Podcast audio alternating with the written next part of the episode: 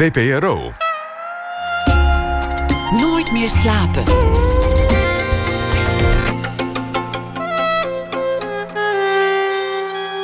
Met Pieter van der Wielen.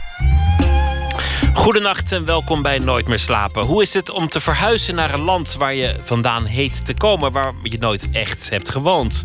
De Terugkeer Turk is de titel van een voorstelling over jonge Nederlanders van Turkse afkomst die naar Turkije emigreren.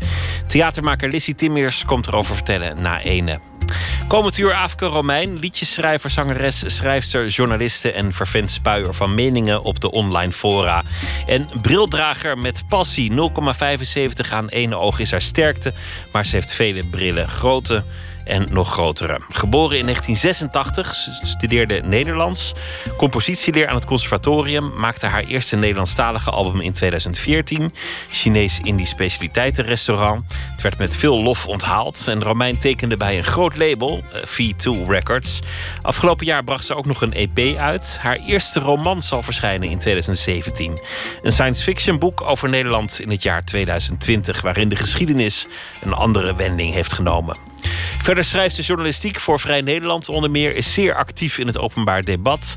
En dit weekend uitte ze bijvoorbeeld haar ergernis over de Telegraaf en de woorden die ze gebruiken in het asieldebat. Komende week is zij een van de hoofdgasten op de podia in Groningen van het Eurosonic Noorderslag Festival.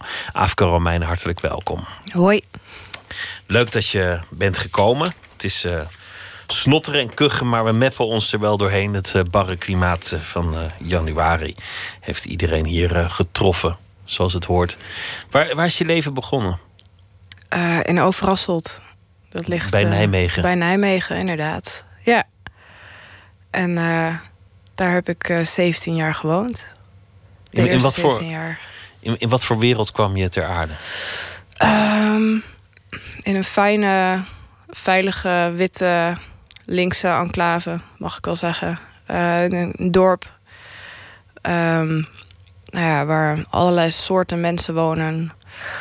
Um, maar toch vooral ook wat linkse, hoger opgeleide uh, mensen die in Nijmegen aan de universiteit of uh, in het ziekenhuis werken. Um, en ik, ik, ik, ja, ik ik was kind in een gezin met uh, twee muzikanten als ouders en nog twee kleinere zusjes. Klassieke muzici waren je ouders? Ja, klopt. Wat, wat deden ze precies? Mijn moeder is, uh, is dirigent, mijn vader is klarinetist in een orkest. Dus jij bent ook helemaal opgevoed met klassieke muziek en, en uh, je kende die wereld al heel jong? Ja, ik ken ik beter dan de popmuziek inderdaad. Klopt. Je ouders waren relatief jong toen ze jou uh, kregen. Ja, ja, wat is jong? 25, 24, zoiets. Dus um, in ja, die tijd in die tijd, ze studeerden nog. Dus in, ja, dus het is op zich. Uh, ik, ik vind het altijd uh, indrukwekkender dat ze nog studeerden dan dat ze in de twintig waren. Want ja, ik moet er niet aan denken dat ik tijdens mijn studie een kind had gekregen. Dan was er echt nooit meer wat van gekomen, denk ik. Maar goed. Je, je, hebt er jaren later een liedje over gemaakt, eh, gericht aan jouw vader. Over, over hem als jongeman die jou moest, moest opvoeden. Ja.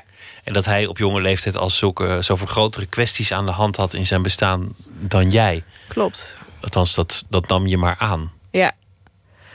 waarom schreef je dat? Ja, dat. Um, naarmate ik ouder werd, passeerde ik zelf de leeftijd waarop mijn vader mij kreeg. En ik voelde me nog ontzettend jong en incapabel. En ik had zoiets van, nou, als ik nu een kind zou krijgen... dan nou, dat zou echt een totale ramp zijn. Ik zou niet weten waar ik zou moeten beginnen. En nou ja, ik voerde gesprekken met mijn ouders over hoe het was toen ik geboren werd. En in wat voor situatie zij leefde. En hoe het was om, om een kind te krijgen. Uh, zelfstandig te worden. En uh, nou ja, ik vond het... Uh, ik vond het vrij indrukwekkend dat ze dat gelukt is.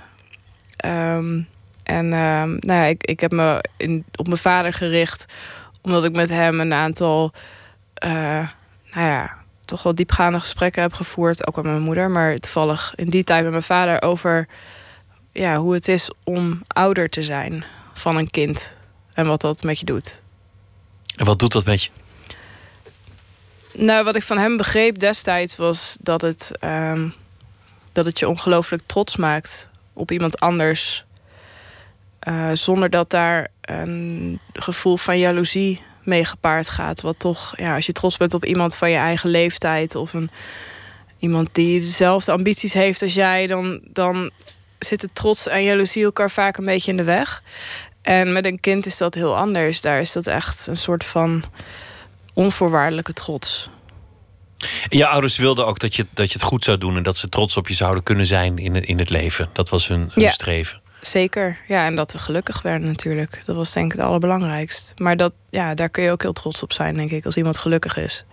Dus als het lukt. Wat ik mooi vond in het liedje dat je voor je vader schreef, was dat je, of over je vader eigenlijk meer, Mhm. dat, dat je als kind wel eens bang was dat hij weg zou gaan en nooit meer terug zou komen. Dat je vader Ja. hem, hem, hem zou smeren. Ja, ik, ik, ehm, ik was al vrij jong nogal een piekeraar. en eh, ik, eh, nou ja, als kind stond de tv nog wel eens aan. En dan zag ik wel eens programma's, soapseries... waarin mensen dan opeens wegliepen van hun gezin. Eh, ik kan me herinneren dat bij mijn oppas... die keek altijd Peter R. de Vries. En dat vond ik ongelooflijk spannend, maar ook wel heel eng. Want ja, bij Peter de Vries werden mensen altijd vermoord op de een of andere manier. Of ze verdwenen. Of, eh, en ja, zo jong als ik was, nam ik dat allemaal in mijn hoofd op. En, en dacht ik dus van, goh, dat, dat kan dus zomaar gebeuren. Ik, ja, wat mij heel erg, wat heel veel indruk op mij heeft gemaakt als kind, is dat, eh, dat hele erge dingen zomaar kunnen gebeuren. En, en eh, zonder, eh, zonder aankondiging of zonder dat je daar recht op hebt of niet. Of, dus dat het echt een soort van totaal willekeurig gebeurt. En ik was me er wel vrij jong van bewust dat, dat mij dus in principe alles zou kunnen overkomen. Alles wat slecht is, wat je kunt bedenken, kan mij overkomen. Dat is natuurlijk ook zo. Ja. Maar wel een tamelijk zwaarmoedige gedachte. Zeker Ja. voor, voor een, Klopt. een kind van elf. Ja, ja, veel jonger al, denk ik. Ehm, ja, en ik was dus, ik was, ja, ik was heel erg bang dat mijn, eh, ja, een beetje de geëikte angsten, dus eh, dat mijn ouders een auto-ongeluk zouden krijgen of ziek zouden worden of, eh, of uit elkaar zouden gaan. Maar ik was ook wel bang voor dingen als dat, dat ik vermoord zou worden of ehm, dat, dat mijn ouders vermoord zouden worden of eh, dat mijn ouders er vandoor zouden gaan omdat ze, omdat ze mij heel stom vonden. En ja, dat zijn voor een deel gewoon hele normale kinderangst volgens mij. En voor een deel werden die ook wel nogal aangedikt door mijn levendige fantasie. En ja, het feit dat ik echt naar alles keek wat bewoog op tv en wat geluid maakte en tegen mij praatte. Dus dat nam ik echt allemaal op in die. Volgens mij is het een oerangst. Zowel ten aanzien van de moeder als de vader dat hij er vandoor gaat. Want als kind ook. Zul je jezelf niet redden. Nee, precies. J- jij dacht erbij, als ze me niet leuk genoeg vinden, dan, dan, dan kunnen ze hem smeren. Ik moet mijn ouders wel een beetje boeien. Ja, al, alhoewel ik wel het idee had ehm, dat het niet in mijn macht lag of zo. Dus ik, had, ik eh, was heel bang dat mijn ouders me niet leuk genoeg vo- zouden vinden. Maar dat, eh, ik was altijd bang dat, dat mijn karakter gewoon niet goed genoeg was. Dus dat ik, ja, dat ik op de een of andere manier gewoon... ehm, ja, niet verdorven, want dat klinkt heel erg religieus en Calvinistisch. En dat, dat, dat was ik helemaal niet. Maar dat ik op de een of andere manier gewoon niet zou voldoen. En dat het ook niet in mijn macht lag. Omdat dus ik, ja, het was niet zo dat ik nou heel erg mijn best deed of zo. En ik had gewoon Maar, maar dat jij die onvoorwaardelijke liefde helemaal niet zou verdienen. Nee, precies. Waardoor die ook niet meer er, er zou zijn. Of Nee. niet zo onvoorwaardelijk zou blijken. Nee, exact. Wat waren de momenten dat je het wel verdiende? Waar- waarvoor kreeg je applaus van je ouders? Over heel veel. Ehm, dat is ook een beetje... Ja, dat is het ironische. Mijn ouders die hebben mij enorm veel applaus gegeven. Ehm, en op allerlei gebieden. Ehm, ja, als ik... eh, weet je wel, als ik... Als ik thuis iets leuks had geknutseld. ehm, maar ook als ik een eh, concert gaf en het ging goed. Wat voor concert gaf je dan? Nou, ik speelde harp. Al eh, ja, mijn hele jeugd heb ik harp gespeeld. En nou ja, daar, daar deed ik wel heel erg mijn best in. dus dat was wel, ja, was echt mijn ding. En nou ja, ik gaf dus ook regelmatig, eh had ik voorspeelavonden en dat soort dingen. En dan gingen ze altijd mee. En dan nou, waren ze altijd heel trots. En eh, ik, heb, ik heb heel veel applaus en trots ervaren als kind. Dus daar, daar lag het zeker niet aan. En hoe zat het buiten de, de gezinssituatie? Kon je, kon je op school makkelijk meekomen? Lag je goed in de groep? Eh, Of was je toen ook al een eigenheimer? Nee. Nee, ik was nou, ik denk dat ik vooral mezelf heel erg in de weg zat. Ehm, ik, ik, ik was een behoorlijke eigenwijze bedweter. Sommige mensen vinden dat ik dat nog steeds ben. Maar je Maar weet toch ook wel? Ja, ben ik ook wel een beetje. Zeker. Maar ik denk dat ik als kind nog, nog, nog wel onhebbelijker was. Denk ik, als ik ter zelf terugdenk. Maar ik, um, ja, ik, ik las heel veel. Ik moet ook zeggen dat ik niet heel erg geïnteresseerd was in andere kinderen. Ik vond het altijd een beetje een soort van. Ja, een beetje. Ik vond het heel onnatuurlijk om me in een groep van 30 kinderen te begeven. Dus ik, ik, um, uh, ik heb ook heel veel herinneringen aan woensdagmiddagen dat mijn ouders dan vroegen met wie ga je spelen vandaag. En ik zat van, oh man, ik heb eindelijk eens een middag dat ik niet tussen al die kleine kinderen zit. Mag ik alsjeblieft gewoon in mijn eentje in mijn kamer een boek lezen, weet je wel? Um, dus ik, ja, ik vond de sociale dingen best wel moeilijk. En um, ik, had wel, ik had op zich wel vriendjes en vriendinnetjes. Het waren er nooit veel. En uh, het waren ook nooit. Ik was nooit heel populair. Ik werd ook nooit echt gepest. Ik hing altijd gewoon een beetje buiten. En ik deed een beetje mijn eigen ding. Dat is nooit veranderd? Nee, nee, denk ik niet. nee. Je ouders wilden ongetwijfeld dat je iets met klassieke muziek ging doen. En even leek het er ook op dat je dat ging doen. Je koos voor een studie Nederlands, maar ook voor een studie compositieleer. Ja. Was, was het echt je ambitie om, om klassieke muziek te gaan componeren of, of daarin iets te gaan doen? Nou, ik heb eigenlijk al maar één echte ambitie gehad en dat is dingen maken. En, Maakt niet uit wat. Nou ja, ik heb altijd. Er zijn al twee dingen geweest. Twee media, zeg maar, waarin ik me heel goed uh, kan kanaliseren. En dat uh, is tekst en muziek. Uh, in, in een hele brede vorm. Dus um, het liefst gecombineerd ook nog. Dat vind ik, dat vind ik het allerleukst. En um, ja, ik, ik heb mijn hele jeugd, eigenlijk nog steeds, ben ik op zoek naar outlets, naar manieren om, dat, om het een plek te geven, zeg maar. En nou, vanuit mijn achtergrond was het logisch om dat uh, in de klassieke hoek te zoeken. En uh, ik heb dat ook met heel veel plezier gedaan. En ik schrijf nog steeds wel eens klassieke stukken. Dus ik laat dat ook niet helemaal achter me. Um, maar ik merkte wel op het consortium uh, dat ik de, ja, de mindset daar af en toe wel beperkend vond. Dus, um, In welke zin? Nou, er was heel weinig ruimte voor toegepaste muziek. Dus ik, uh, ik vond het heel leuk om theater en filmmuziek te maken. En um, ik deed het ook regelmatig. En er werd altijd een beetje met, ja, met dédain bijna naar gekeken. In die zin, ik mocht dat nooit gebruiken voor, um, voor mijn curriculum. want ja, dat, dat was uh, commerciële muziek. Uh, en hetzelfde gold natuurlijk voor popmuziek. En dat snapte ik dan nog wel, want dat is natuurlijk helemaal een andere wereld dan klassieke muziek. Uh, maar tegelijkertijd werd ik daar ook wel een beetje opstandig van. Dat ik, ja, ik was iets van, ja, maar ik, heb wel werk. En volgens mij is dat een schaars goed uh, in de klassieke muziek. En zeker als componist. Dus ik vond ergens met al mijn jeugdige arrogantie... vond ik ook dat ze maar een beetje respect moesten hebben... voor het feit dat ik dat ik al een plek aan het verwerven was in het werkveld. Uh, en dat botste nog alles. Dus dat, uh, ja, daarom ben ik uiteindelijk ook uh, weggegaan. En, en hoe vond je de, de, de tijd?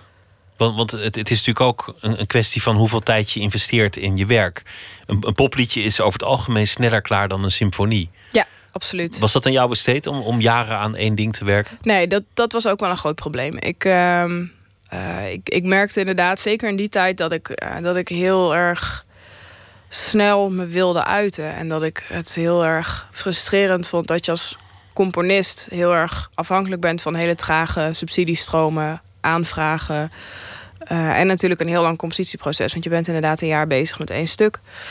En ik wilde meer output kunnen geven. Dus ik wilde gewoon een eigen kanaal hebben waarin ik autonoom kon zijn en wat ik deed en wat ik zei en wanneer en hoe ik dat naar buiten zou brengen. En popmuziek leende zich daar veel meer voor. Dus ik was naast Um, naast het componeren van klassieke stukken was ik eigenlijk altijd bezig met het schrijven van liedjes. Gewoon om maar even heel snel iets uh, te kunnen maken. Om wat sneller, zeg maar, een soort van uh, ja, genoegdoening te hebben. Dus... Nu doe je heel veel verschillende dingen: journalistiek, schrijven, componeren. Uh, componeren in allerlei verschillende uh, hoeken en voor allerlei ja. verschillende dingen. Alles met een zekere mate van snelheid, met heel veel energie. Mm -hmm. Dit etmaal heb je volgens mij al 120 tweets verstuurd. Ja. Dat, dat is ook een, een teken van snelheid en energie, volgens mij. Klopt. Zijn er ook momenten dat die energie je ontbreekt? Dat, dat je instort? Ja, dat, ik denk dat dat heel erg met elkaar samenhangt. Ik heb uh, verschillende depressies doorgemaakt. En, uh, Wat versta je onder een depressie? Ja, nou in mijn geval eh, zijn het gewoon zijn het klinische depressies. Dus eh, dat zijn periodes van een maand of langer waarin ik niet functioneer. Dus niet eet, veel slaap, ehm, constant in paniek ben. Volledig instorten eigenlijk. Echt volledig instorten, ja. Zo, zo, zo ingestort als je als een mens maar ongeveer kunt zijn, zeg maar. Dat is toch wel dus, contrast met, met die energieke periodes. zeker. Waar er meer van zijn. Daar zijn er, ja, ik denk dat het ongeveer 90% energie is en 10% depressie. Als ik het een beetje. Misschien zelfs nog wel minder depressie inmiddels. Ja. Dus die zwaarmoedige kant die je als kind had, wat als mijn ouders mij niet leuk genoeg vinden en mij verlaten, mhm. die heeft je nooit in de steek gelaten? Nee, ik denk dat die er gewoon heel erg bij hoort. En dat maakt ook wel juist, um, nou ja, gewoon dat hele snelle in- en uitzoomen en bewegen tussen verschillende emoties maakt ook, ja, dat, dat geeft ook een bepaalde mate van creativiteit. En, en ook van energie, gek genoeg. Dus ja, de, ik kan mezelf ook niet goed voorstellen zonder allebei die kanten. Heb je wel eens medicatie geprobeerd? Ik uh, slik al tien jaar. Of nee, meer inmiddels. Ik ben al 30. 13 jaar slik ik nu medicatie. Ja.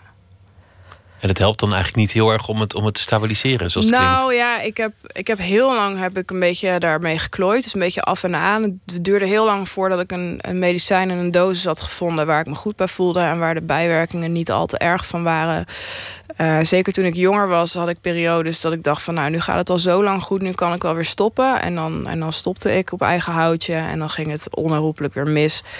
Dus het... Um, um, nou ja, goed. Ik slik nu pas sinds een jaar of vier echt heel erg eh, regelmatig mijn medicatie. En nu gaat het ook heel goed. En eigenlijk het enige waar ik nu echt nog van onderuit ga, dat zijn vaak lichamelijke dingen. Dus uh, nou toen ik zwanger werd, hormoonschommelingen. Uh, als ik een week heel erg een griep heb en ik kan niet eten of zo. dat zijn de momenten dat ik echt heel kwetsbaar ben. Dus dat zijn vaak juist lichamelijke dingen die kwetsbare kant, die, die laat je ook zien. Je, je, je zou verwachten dat, dat iemand die zich zo in discussies mengt, daarin ook af en toe uh, klappen oploopt, dat hij alleen maar de sterke kant laat zien. Dat is, dat is iets wat heel vaak gebeurt in, uh, in, op sociale media bijvoorbeeld. Maar, maar jij laat het ook zien wanneer het, wanneer het minder gaat. Is dat, is dat een bewuste keuze? Ja, nou, er zit, ja er zit, die keuze heeft heel veel verschillende aspecten. Ik denk dat het voor mij al heel lang um, hypocriet voelt om die kant niet te laten zien, omdat die kant zo'n enorm grote rol speelt in mijn werk, dus in de dingen die ik maak. En het voelt dus ook heel gek om dan altijd heel vrolijk te zijn, terwijl mijn werk juist vaak heel zwaarmoedig is. En ja, dat contrast is ook voor de mensen die mij kennen van wat ik maak, dus mijn creatieve dingen, is het volgens mij beter te begrijpen wanneer je mij, wanneer ik ook iets laat zien van, uh, van de andere kant van mijn depressies. En tegelijkertijd eh, ja, is het ook gewoon een beetje een principiële kwestie. Ik, ik, uh, ik geloof echt in een, nou ja, in, in een betere sociale, sociale mediawereld, zeg maar. Um, uh, wanneer mensen gewoon opener zijn over hun wel en wee. En dat heeft, ja, weet je, dat, dat gaat in, in alle aspecten. Dus um, ja, jonge moeders doen niet allemaal alsof een bevalling uh, superleuk is, bijvoorbeeld. Uh, en dat je na een week weer staat te dansen ergens. Uh, dat hoeft helemaal niet. en mensen die depressie hebben, hebben het erover. Weet je wel. Je, je, mijn ervaring is gewoon dat wanneer je daar eenmaal open over bent en je bent dat op een nou ja, zo integer mogelijke manier. En dat ben je meestal wel wanneer je depressief bent. Dan, dan krijg je daar heel veel steun voor terug en heel veel erkenning. Maar het voelt als, als tegengestelde omgevingen teruggetrokken en depressief zijn en iets posten op het web. Dat, dat zijn nou totaal tegengestelde dingen. Dat klopt. Maar wat heel fijn is aan sociale media, vind ik, is dat je. Ehm, ehm, dat er geen enorme verantwoordelijkheid van uitgaat. Dus ehm, wanneer ik depressief ben, dan voelt alles als een enorme verantwoordelijkheid. Zelfs ademen is zeg maar een te grote verantwoordelijkheid. Laat staan dat ik me bezig hou met het beantwoorden van e-mails waarin mij vragen worden gesteld. Of uh, nou ja, dat ik iets zou maken of dat ik ergens heen moet. Dat is allemaal te groot. Maar een tweet sturen, uh, dat vergt alleen dat ik 140 tekens intoets. En vervolgens kan ik Twitter ook weer uitzetten. Als ik het niet aan kan om vervolgens de reacties te lezen, dan, dan hoeft dat niet. Dat is helemaal niet, dat is niet nodig. Maar het kan wel. Het is een heel erg laagdrempelige manier van informatie tot je nemen. Voor mij althans. Ik, dat, ik weet zeker dat het niet voor iedereen zo werkt. Maar voor mij werkt het heel goed. Het is vaak naast mijn directe uh, omgeving... is het vaak de eerste omgeving die ik... Um, ja, waar ik het aandurf om weer een stapje in te zetten. Maar het is een vijandige omgeving. Ja, dat vind ik dus wel meevallen. Um, Nee, dat nou, want je, je, hebt zelfs een liedje geschreven over alle ja, haat. Absoluut. Nee, maar kijk, als je, als je iets zegt over Geert Wilders of over telegraafkoppen, dan weet je gewoon, dan weet je dat je een heleboel haat over je heen krijgt. Maar wanneer ik het heb over depressief zijn, ik heb nog nooit een haattweet gekregen waarin iedereen iemand zei van ah, je moet je bek houden, je moet je niet zo aanstellen met je depressie. Dat is nog nooit gebeurd. Dat uh, op de een of andere manier, het kan zijn dat. Uh, nou ja, dat ik heel veel geluk heb gehad daarmee. dat het zou kunnen.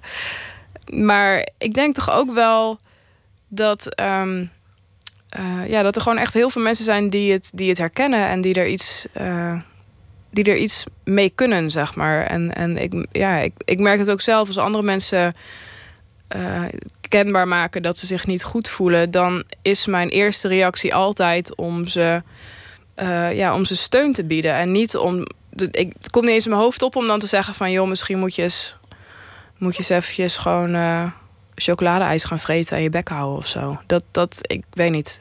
Dat gebeurt niet.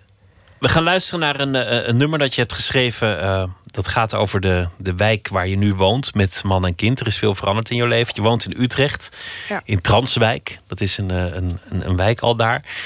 Wat is er veranderd in jouw leven door, door zelf moeder te worden? Is het stabieler geworden? Omdat je verantwoordelijkheden hebt. Uh, ja, ik denk het wel. Het was daarvoor al wel. Ik, heb, ja, ik ben uh, twee jaar geleden getrouwd. En je bent ook geen 17 meer natuurlijk. Ik ben natuurlijk ook geen 17 meer, gelukkig maar.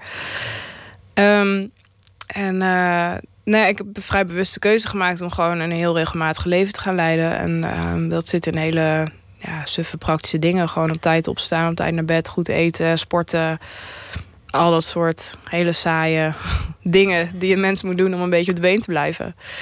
En in dat leven paste opeens een kind. Zo is het eigenlijk gekomen. Dus, um, uh, en, en ik merk ook wel dat, dat juist wanneer je een kind hebt, is, is rust en regelmaat heel erg prettig. Omdat een kind zich daar ook heel erg, uh, daar zelf ook rustig van wordt.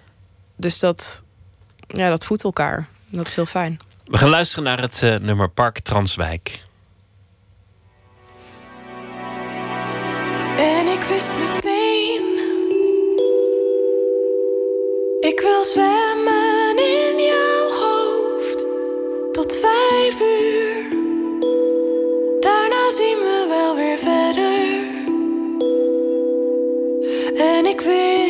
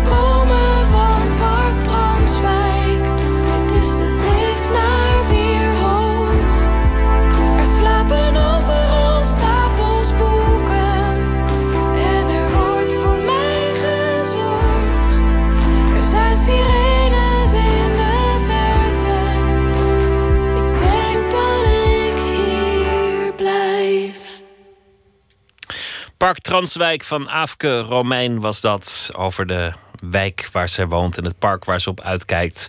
Het rock'n'roll-leven ingedampt voor een rustig leven waar ook geluk in te vinden is. Aafke, jouw muziek heeft ook, ook wel veel te maken op de een of andere manier met, met rap, gek genoeg. Ja. Hoewel je bepaald niet aan, aan, het, aan het rappen bent, maar de, de, de invloed is wel hoorbaar van, uh, van mensen als Kanye West en, uh, en Ja. anderen. Klopt. Dat hoop ik tenminste. Dat is wel een compliment, vind ik. Is dat de muziek waar je, waar je het meest naar geluisterd hebt als, uh, Ja. als vroegvolwassene? Ik denk het wel, ja, nog steeds wel hoor, denk ik. Ehm, ik, ik luister heel breed, dus echt van klassiek tot aan hip-hop, inderdaad. Eh, maar ik, ik heb altijd wel een soort van enorm zwaartepunt gehad in mijn playlists eh, bij hip, ja, op hip-hop. En, en andere en, ja, instrumentale vormen van elektronische muziek ook wel. Maar hip-hop is wel ja, een soort van terugkerend thema, altijd. Wat spreekt je daarin zo aan? Ehm, ik hou heel erg van beats. Ik vind, ehm, nou ja, ik, ik hou heel erg van muziek waarop ik niet kan blijven stilstaan. Dus die echt iets met me doet. En ik hoef niet per se te dansen, maar ehm, ja, ik wil wel gewoon, ik wil meegesleept worden ergens mee. En, en voor mij werkt dat heel goed wanneer iemand een hele goede beat neerlegt en, ehm, en, daar, en een goede flow heeft. Ik, ja, dat is een soort van X-factor. Het is een beetje moeilijk te omschrijven, maar dat, dat doet het trucje altijd op de een of andere manier bij mij. Weet je bij jezelf ook meteen wanneer je het gevonden hebt? Of, of is er twijfel in het proces?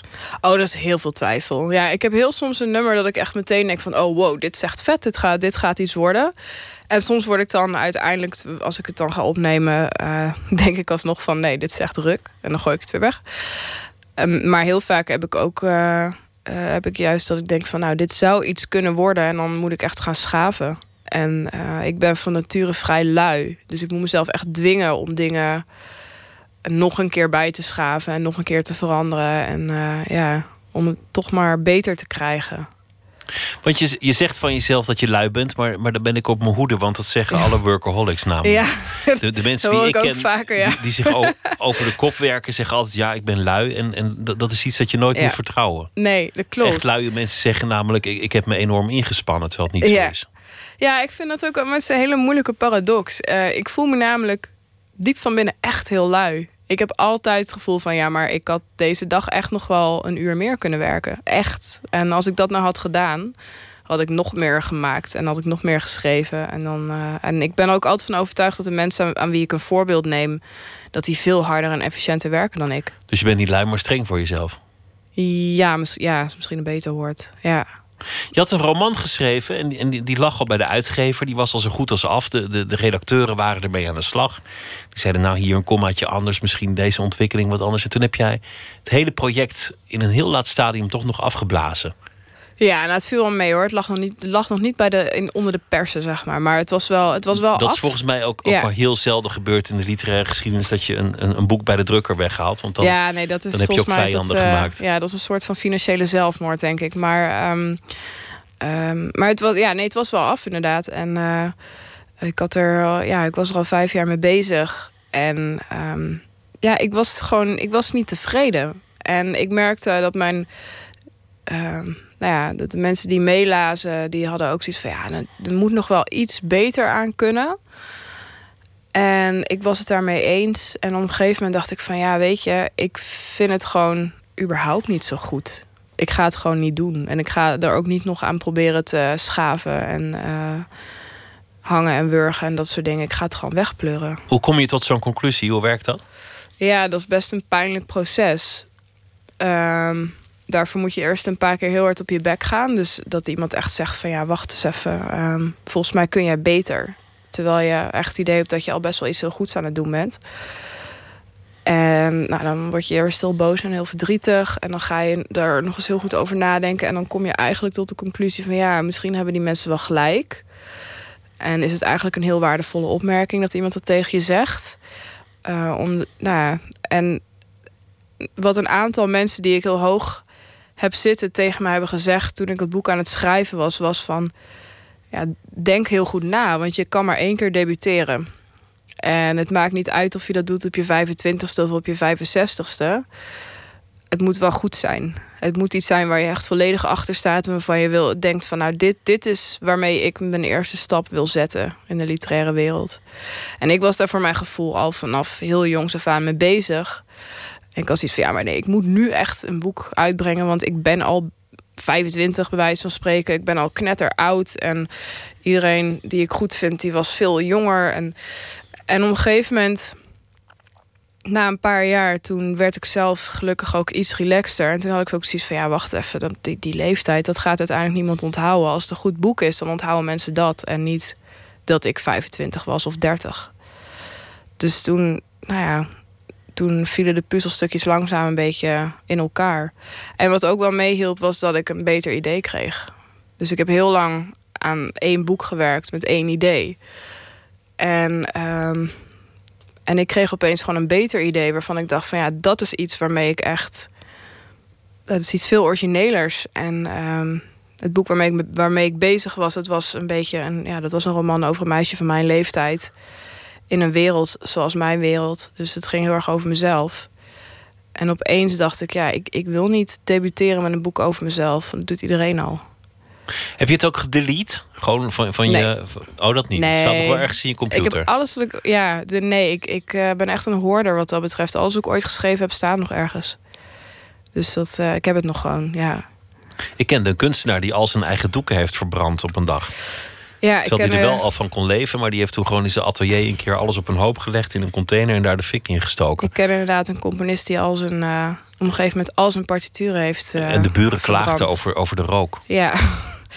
Ja, nee, ik weet niet. Dat, dat, dat, dat kan ik toch niet over mijn hart verkrijgen. Ook omdat ik het nu nog steeds leuk vind om af en toe dingen terug te lezen van toen ik 14 of 15 was. En dan dat ik soms opeens denk van, hé, hey, dit is eigenlijk best wel oké of zo. En dat is, ja, ik weet niet hoe dat met andere makers zit. Maar voor mij is dat vrij zeldzaam. Dat je iets van jezelf terugleest of terug hoort en denkt... oh, dit is best wel oké. Dat, dat is echt een zeldzaamheid. En vaak gebeurt dat juist pas na een jaar of 15. Of tenminste nu. Dat ik echt nu dingen van 10, 15 jaar geleden terugzie en denk van...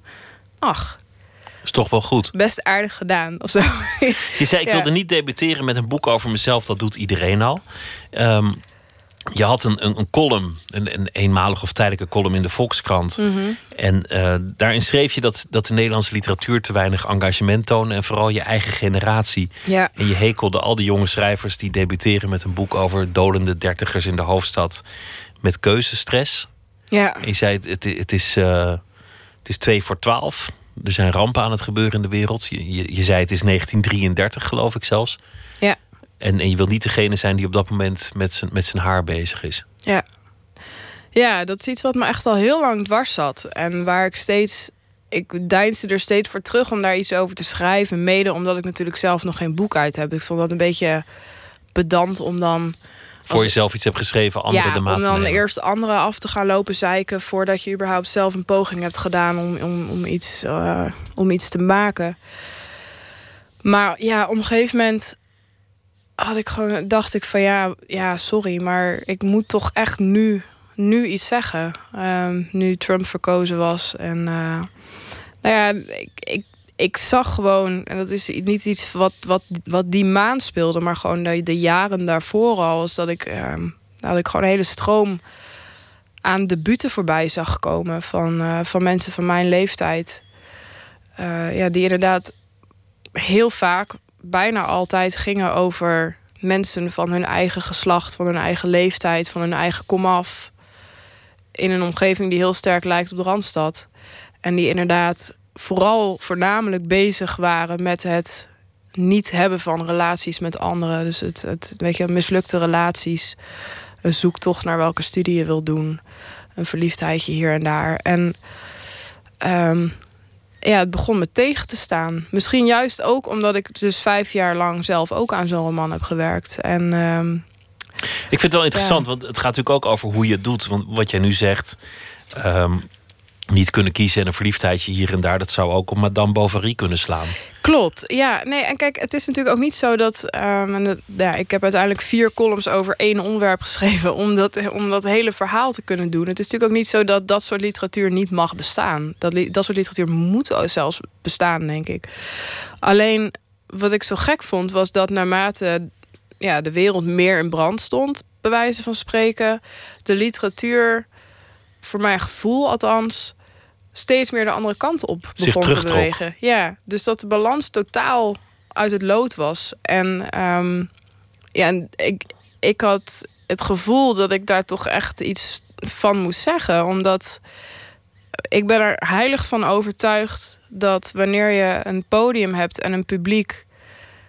En je dus een ruimte inneemt in het publieke debat, dat daar een bepaalde verantwoordelijkheid bij komt kijken. En, en voor mij zijn woorden kostbaar. Ruimte is kostbaar en tijd ook. En, en zendtijd en bladzijden in een boek ook. En ik wil dat mensen er heel goed over nadenken wat ze ermee doen. En hoe ze die willen inzetten. Doe je dat zelf ook? Want het, het boek dat nu staat te verschijnen... Dat, dat is een boek dat gaat over Nederland... waarin de geschiedenis anders is gelopen. Heb je daar voor je gevoel de actualiteit in verweven... of, of, een, of, of een, een mening gebracht over het heden? Ja, dat is natuurlijk heel gevaarlijk om te zeggen. Want ik, ja, ik- iedereen die verwacht nu een, eh, een roman met een enorme morele lading, denk ik. En het, het boek gaat over politiek en het gaat over maatschappelijke kwesties. eh, die nu ook spelen, maar ik hoop wel dat het uitstijgt boven één morele boodschap. Ik Want denk- anders had je een opinieartikel kunnen schrijven... En had je het daarmee afgedaan. Precies, en dat, dat doe ik Vaak toch is, wel. dat, vaak is dat ook niet de beste literatuur... die één Nee. statement wil brengen. Zeker niet. Nee, dus ik probeer daar heel erg van weg te blijven. Maar ik probeer wel materiaal te creëren wat mensen tot zich kunnen nemen. En ehm, ja, waarmee ze hun verbeelding eh, in gang kunnen zetten. En kunnen nadenken over mogelijkheden binnen onze situatie. Dus binnen onze maatschappelijke situatie. Ik denk dat, ja, dat klinkt een beetje moeilijk. Maar ik denk dat dat is wat ik wil doen met het boek. Want je hebt jezelf wel eens eh geafficheerd als linkser dan links. Ja, Heel erg links dus gewoon. heel links. Ontzettend links. Ontzettend links. Ja, nou, het is natuurlijk ook een beetje een knipoog, omdat je tegenwoordig heel snel als links wordt weggezet. Als je bijvoorbeeld op Radio 1 komt praten. Alhoewel Marianne Zwageman hier eerder vandaag was. Dus denk dat dat ook wel weer meevalt tegenwoordig. Ehm, ik, ik, ben van, ik, ben, ik ben heel erg links. Ik, ik stem links. En ik denk dat de meeste nou ja, politieke statements die ik maak ook als links te bestempelen zijn. Ehm, ik geloof vooral heel erg in radicale gelijkheid. Daar strijd ik echt voor. Ik vind moeilijke begrippen links en rechts. Ik Het- ook, het, ja. het is, eh, ik bedoel, standpunten gaan over en weer. Wat, wat Absoluut. eerste rechtsstandpunt was, wordt een linksstandpunt en andersom. Is, is, is het verstandig voor jezelf om je zo te afficheren met een richting? Want, want je geeft jezelf ook onvrijheid. Je klinkt jezelf vast aan een, een richting. Bijna, bijna een stroming, bijna iets kerkelijks. Waardoor je Ja. ook niet meer flexibel bent om je oordeel te bepalen over allerlei dingen die op je pad komen. Nee, ja, dat, dat is inderdaad ehm, dat is een gevaar, absoluut. Tegelijkertijd denk ik dat het. ehm, ja, die, ik, denk, ik denk dat die twee dingen wel heel erg samen gaan. Ehm, ik, ik, ik weet nog dat een jaar of vijf geleden dat ik eh, echt met oprechtheid kon zeggen van nou, politiek, dat interesseert me gewoon niet. Dat zei ik ook tegen mensen van nou, pff, het maakt me echt allemaal niet zoveel uit.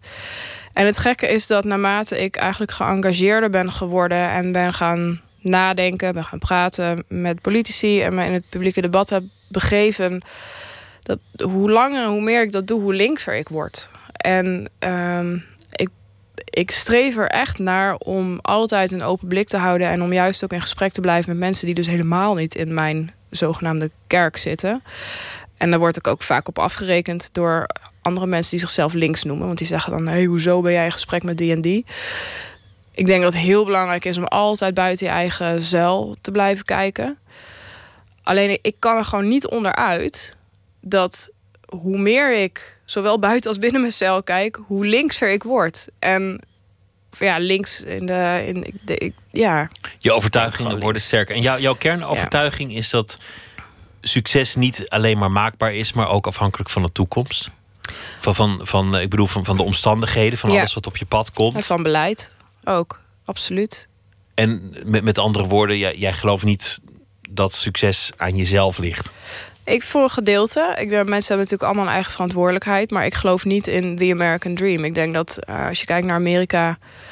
eh, ik vind Amerika een ontzettend fascinerend land. Maar ik denk dat een van de grote problemen is dat in Amerika niet over armoede gesproken, gesproken wordt. Omdat niemand daar echt arm is. Want iedereen is in potentie rijk.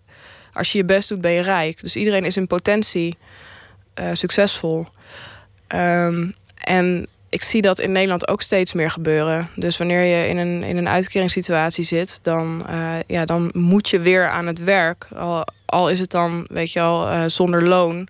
Want je moet weer gaan, weet je, je moet je op de arbeidsmarkt begeven. Want je moet die stijgende lijn laten zien. Je moet uiteindelijk dat verhaal worden waarbij je jezelf uit de nesten hebt gewerkt in plaats van erin.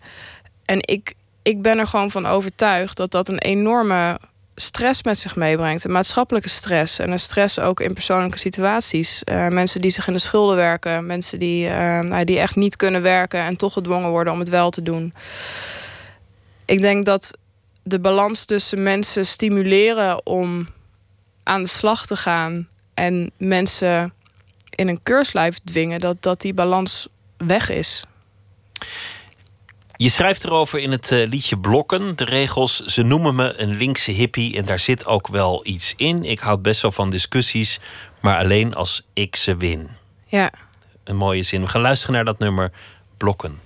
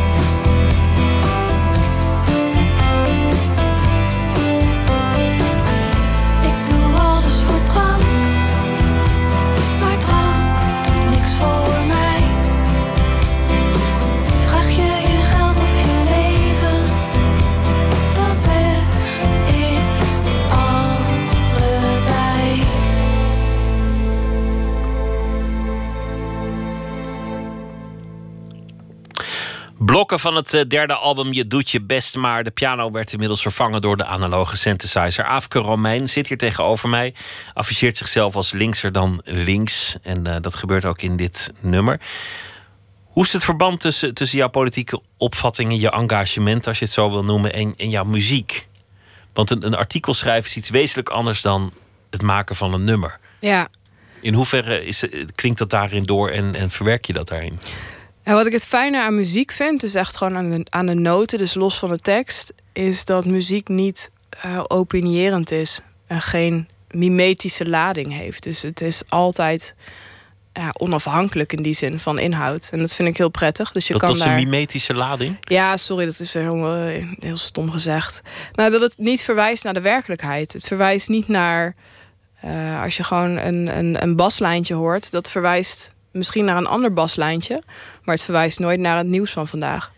En, um, en dat maakt het heel prettig om ermee te werken, omdat het dus dat het me eventjes helemaal buiten de, ja, de wereld van, van vandaag zet.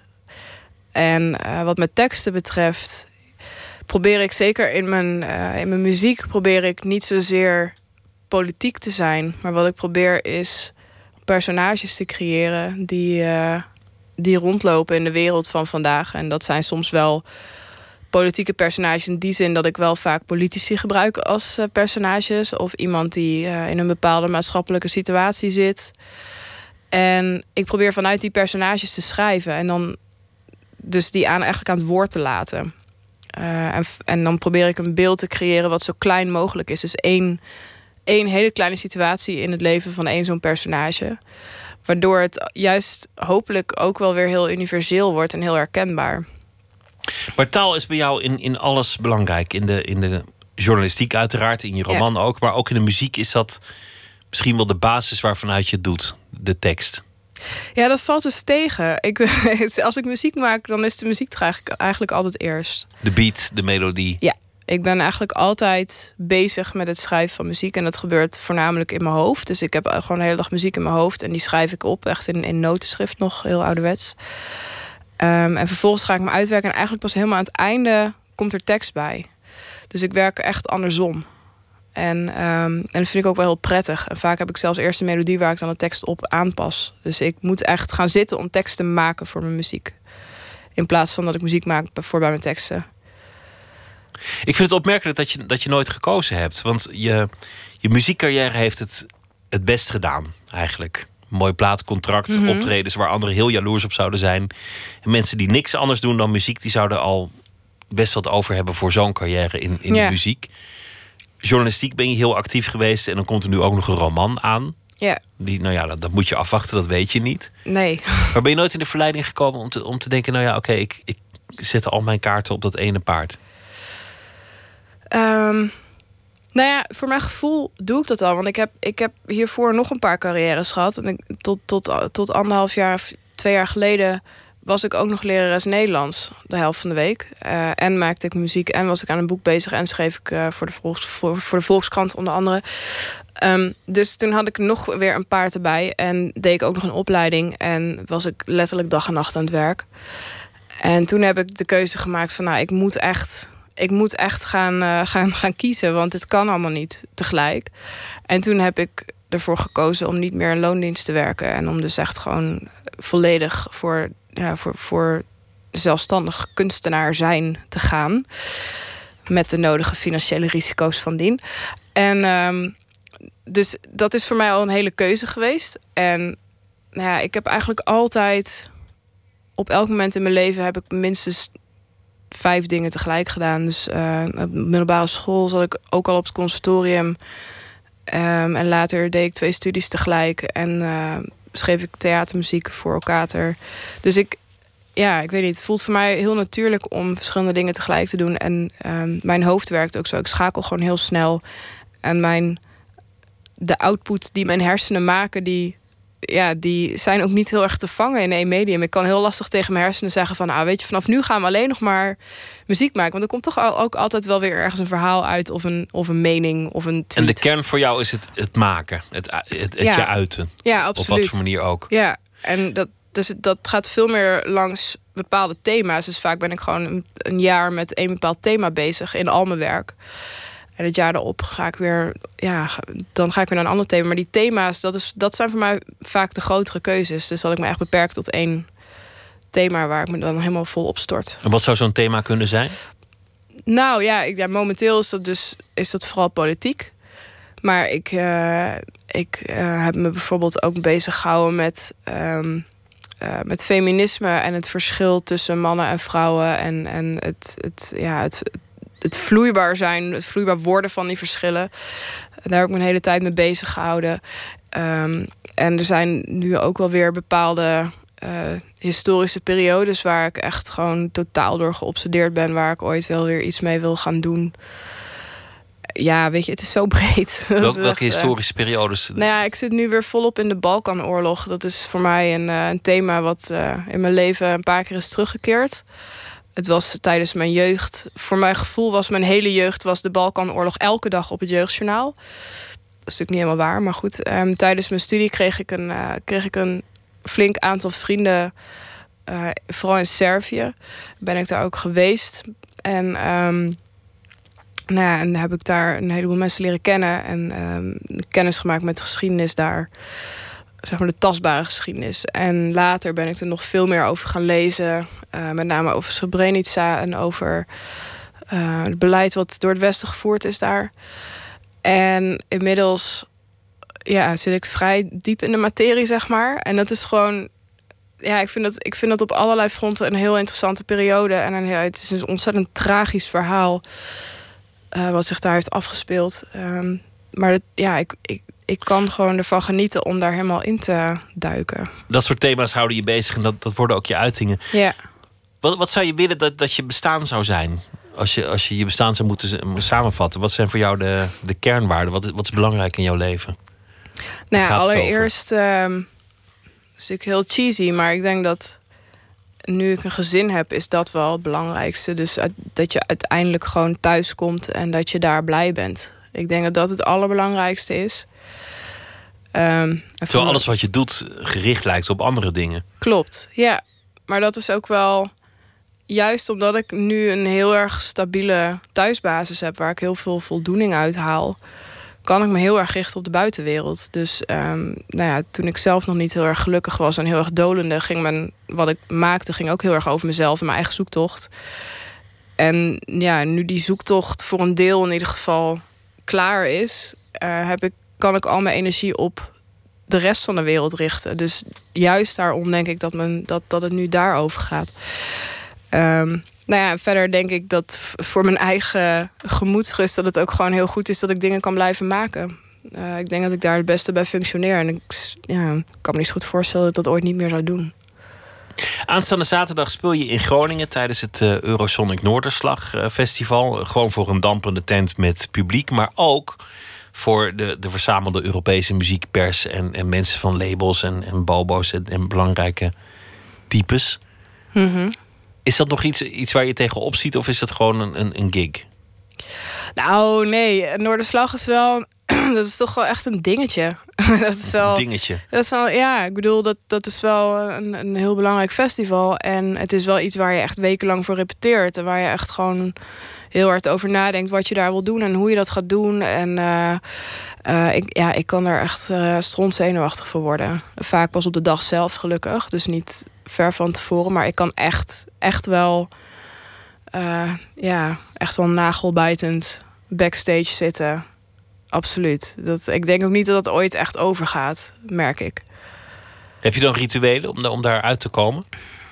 Ja, heel hard op iedereen schelden. Ik bied dan ook altijd mijn excuses aan naar afloop, maar ik ben echt niet te genieten als ik uh, Gewoon op, op, op technici of, uh, of management of. Uh... Ja, mijn bandleden, mijn tourmanager. dus, ja, weet je net wie in de buurt is. Um, ja, schelden is ook een groot woord, maar ik ben dan gewoon heel kregelig en um, ja, ik ben niet echt heel erg prettig om bij in de buurt te zijn dan. Helaas. En na afloop ben ik dan weer heel erg leuk, zeker als het goed ging beetje diva-gedrag eigenlijk. Ja, heel erg. ja. ja, het is ook niet. Ik vind mezelf ook niet het allerleukst op dat moment. Dat, uh, ik ben er niet heel trots op of zo.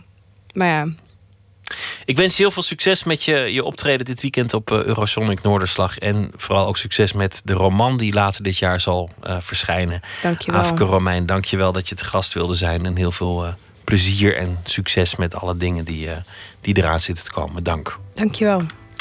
Zometeen gaan we verder met Nooit meer slapen. Onder meer een gesprek met Eva Rovers, die het gaat hebben over de mens in opstand.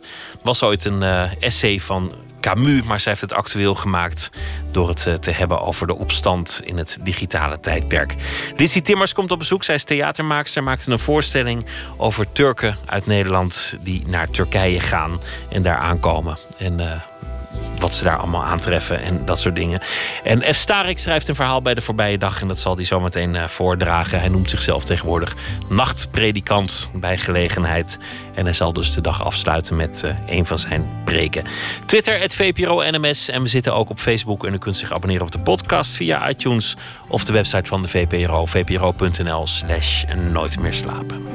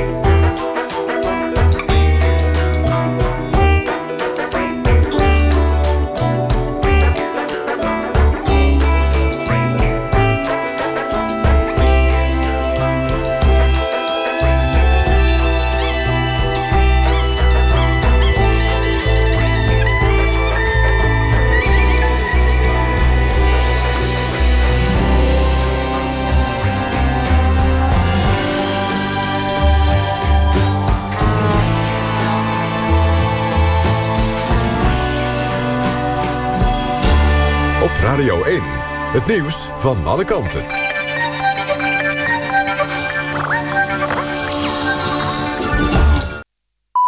Het is 1 uur, Waterwalgemoed met het NWS-journaal.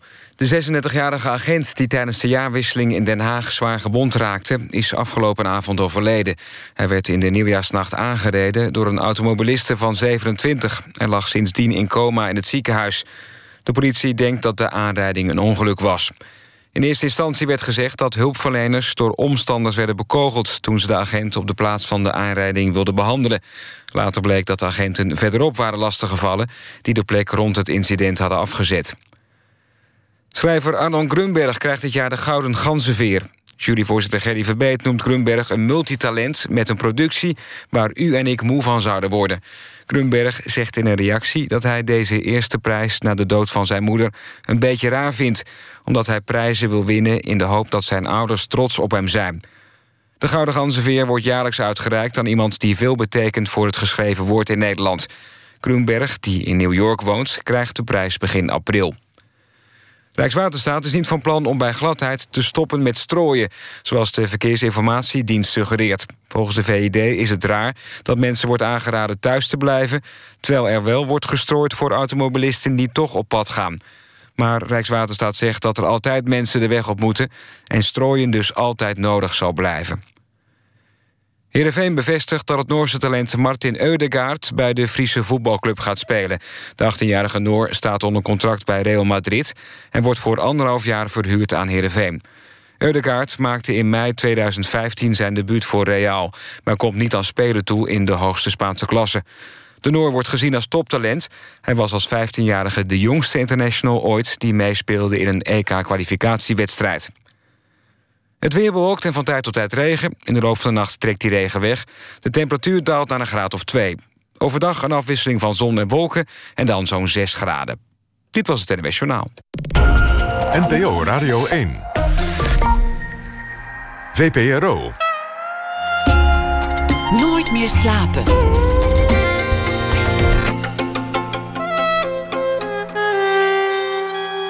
Met Pieter van der Wielen.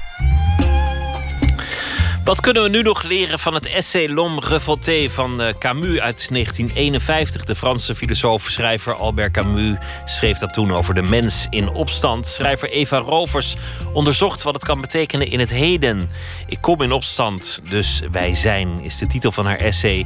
Straks een eh, gesprek met haar. Theatermaker Lissy Timmers komt op bezoek. Zij maakte een voorstelling samen met actrice Jonina Spijker. De terugkeer Turk over Nederlanders van Turkse afkomst die teruggaan of eigenlijk gewoon vertrekken naar Turkije. Estarik noemt zichzelf tegenwoordig nachtpredikant bij gelegenheid en hij zal zo meteen een verhaal voordragen bij de voorbije dag. Maar we beginnen dit uur met het culturele nieuws. Wat er vandaag gebeurde, min of meer. Dit uh, weekende werden de Golden Globes uitgereikt. En dat was een gelegenheid voor Meryl Streep bij haar victory speech om eens uit te halen naar de nieuwe regering van Amerika, naar Donald Trump. Ook al noemden ze de naam geen één keer. Daardoor zouden we bijna vergeten, doordat dat filmpje zo vaak gedeeld werd, dat Paul Verhoeven maar liefst twee prijzen mocht ontvangen voor de film L. De Golden Globe voor beste buitenlandse film. En ook de hoofdrolspeelster kreeg een uh, prijs. Dat was Isabelle Huppert. En hij bedankte dan ook de hoofdrolspeelster Huppert en de Amerikaanse pers. I'm a bit amazed because the movie does not really invite you to sympathize with the character. The character goes in directions that you might not take. And uh, so I really thank the Hollywood foreign press for being so open-minded. Staken, meestal iets dat je doet in het openbaar vervoer of bij de vuilophaaldiensten. Maar een opmerkelijk initiatief wordt bericht uh, in de New York Times. Is vanuit de kunstwereld om op de dag van de inauguratie van Donald Trump te gaan staken.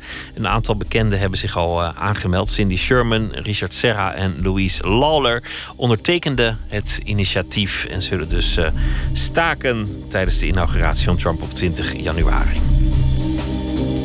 De Vlaamse krant De Standaard stopt per direct met de column van schrijver Jab Abu Jaja. Kort na de aanslag van uh, afgelopen zondag in Israël schreef hij op Facebook dat de bevrijding van Palestina bij means necessary, bij all means necessary moet gebeuren. De standaard geeft aan brede grenzen voor het debat te kennen, maar dat door deze verwijzing naar Malcolm X er geen ruimte meer is voor Jaja in de krant. En dan is er ook cultureel nieuws dat uh, mensen in de kunstwereld uit de slaap kan houden. Juridisch gesteggel over de naam van een voorstelling tussen de familie Moskowitz aan de ene kant en de makers van de televisieserie De Maatschap. Maar dit keer was het ook nog de toneelgroep Maastricht die uh, last kreeg met de familie Moskovits over het merkenrecht. Het toneelstuk uh, Moskovits, geschreven door Ilja Leonard Vijver, moet anders heten. De naam zal nu zijn De Advocaat. Aan de telefoon Michel Sluismans, artistiek leider van toneelgroep Maastricht en regisseur van het stuk. Goeienacht. Goedenacht. Houdt dit uh, je uit je slaap, deze hele affaire? Nee, niet echt. Waar, waarom zou dat uit, mij uit mijn slaap moeten houden? Ja, weet ik niet. Dus misschien gedoe? Nee, ja, het is even gedoe. Ik, ik heb je inleiding eigenlijk gemist. Ik, ik, ik, ik, hoor eigenlijk alleen maar je laatste vraag. Maar ik neem aan dat je het hebt over de naamsverandering. We zijn inderdaad gesommeerd door de advocaat Yehudi Moscovici... Uh, die optreedt voor zijn broer Max, de filmmaker. Niet te verwarren met Max junior, zoon van Max senior. Dit is een, uh, dat, dat, is een, uh, dat is weer iemand anders. Maar hij heeft de naam Moscovici als merk laten registreren. En dat betekent dat wij de naam niet mochten gebruiken voor ons toneelstuk. Dat wisten we niet. Dus we hebben, um, nou, we hebben besloten om gedoe te vermijden... om die naam van ons toneelstuk te veranderen. In de advocaat, wat ook uh, mooi klinkt. Ja, het is ietsje minder. Het is, het is plan B, maar uh, ik bedoel, ja, ze, staan in hun recht. En ja, als het als merk geregistreerd is, dan maak je weinig kans. Dus we dachten ook, laten we, we het maar niet proberen. En dan heet het de advocaat. En de advocaat, het is ook wel een goede titel, omdat er is maar één advocaat, de advocaat. Dat is ook weer waar.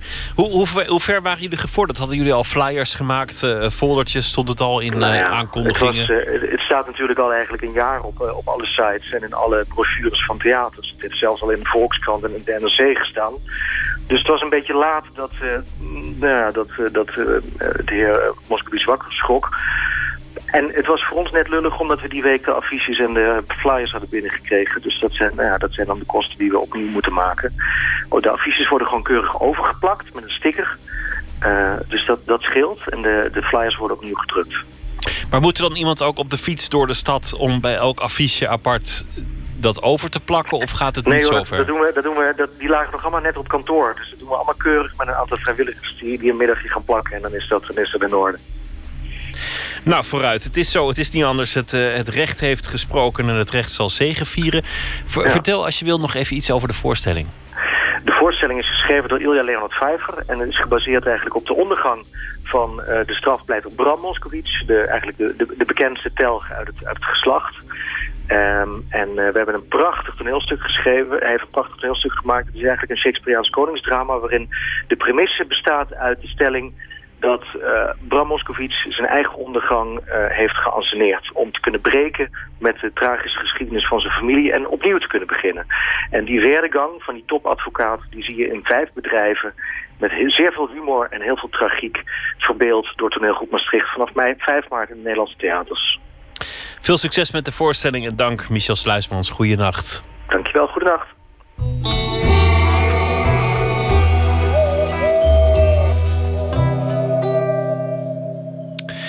En bij het begin van 2017 eh, vloog de carrière van Klankstof ineens de lucht in als de kurk van de champagne. Wie is Klankstof? Koen van der Wart, oud-bassist van de band Mos, maakt met zijn project Klankstof nu furoren. De Volkskrant noemde hem het muziektalent van 2017 en ook werd aangekondigd dat hij zal spelen dit jaar op Coachella, het belangrijkste popfestival van de Verenigde Staten. We gaan luisteren naar het nummer Sleaze.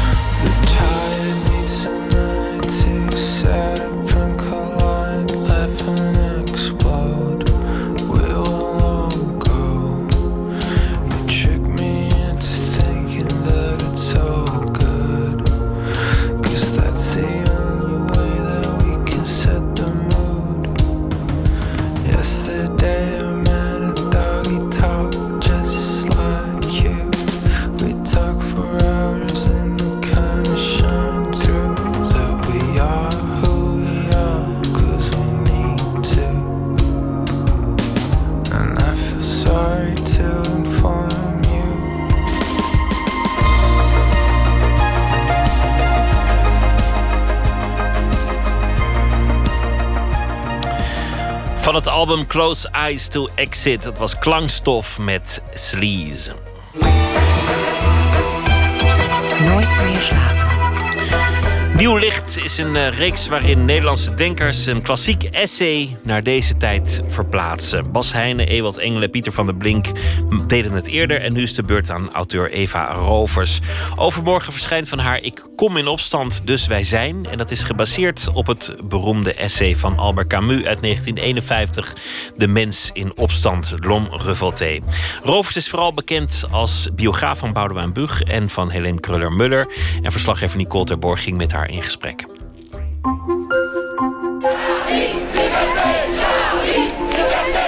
Ik ben gaan kijken naar de, de, wat is de mens in opstand in deze tijd. En dan stuit je op talloze voorbeelden en verhalen en juichverhalen over de kracht van sociale media en wat die allemaal wel niet kunnen betekenen voor opstand.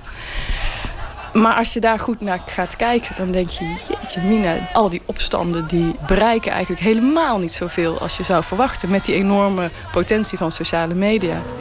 Goedenavond. Of ze met een miljoen waren, was niet te tellen. Maar het was in elk geval de grootste betoging ooit in de Egyptische hoofdstad Cairo. Met honderdduizenden. Als voorbeeld van een opstand die uiteindelijk niet heeft geleid tot een structurele verandering, noemt Eva Rovers de Arabische lente. In de meeste landen waar die Arabische lente ontstak, daar is het nog steeds uh, oorlog. Dat is, en dat komt natuurlijk niet door de social media. Maar die enorme hoop die mensen hadden... en dat de, de, de kracht die aan social media werd toegekend... van kijk eens wat social media kunnen veroorzaken... die bleek niet zo heel erg groot te zijn. Sterker nog, de mensen die aan die Arabische lente deelnamen... zeggen nu ook... die social media die keerden zich eigenlijk tegen ons. Want in plaats van dat, we ze, dat ze gebruikt werden om mensen met elkaar te verbinden, werden ze steeds meer ingezet als soort polariserende krachten. A global outcry against corporate greed has risen up in almost a thousand cities worldwide. People have taken their anger to the streets, saying their governments have been taken over by big business. Een verklaring waarom demonstraties als Occupy niet doorzetten tot iets structureels vindt Eva in het werk van Albert Camus het werd me steeds duidelijker dat dat boek van hem uit 1951... dat dat gewoon nog ontzettend relevant is voor de smartphone-demonstrant van de 21ste eeuw. We willen eigenlijk negeren dat we sterfelijk zijn. Daar willen we niet over nadenken. En daarom zoeken we constant naar redenen waarom het belangrijk is om te leven. En sommige mensen vinden dat in de religie. Andere mensen vinden dat uh, in, een, uh, in een ideologie. En Camus zegt eigenlijk, daar moet je helemaal van wegblijven. De, de betekenis aan, van een leven, die zit eigenlijk al in de mens zelf. Die schep je zelf, die hoef je niet van buitenaf opgelegd te krijgen. En die zit erin door inderdaad in opstand te komen. In opstand te komen tegen die zinloosheid. Door te zeggen van dit vind ik belangrijk. Dit is wat mij um, tot mens maakt. Ik denk dat het vanavond een hele grote demonstratie van eenheid wordt... Uh, tegen die ongelofelijke barbarij van gisteren. To New York City. The message, Je suis Charlie. I am Charlie. Volgens Camus is verbondenheid essentieel bij verzet. Een opstand is pas effectief als het doel zowel individueel als collectief is. Mensen eisen iets op voor zichzelf, maar ook voor een ander, omdat ze het beschouwen als iets waar iedereen recht op heeft. In haar pamflet schrijft Eva dat een groot netwerk niet gelijk staat aan een hecht netwerk. Wanneer mensen massaal de straat op gaan, betekent het niet dat ze hetzelfde willen. En die enorme massa die je op de been hebt gekregen, die bestaat uit allerlei individuen die allemaal wel een idee hebben van wat ze willen bereiken. Maar daar zit natuurlijk ongelooflijk veel conflicterende uh, visies in. Dus je haalt heel veel mensen bij elkaar, maar zonder eigenlijk echt een goed collectief plan te hebben dat al die individuele verschillen overstijgt.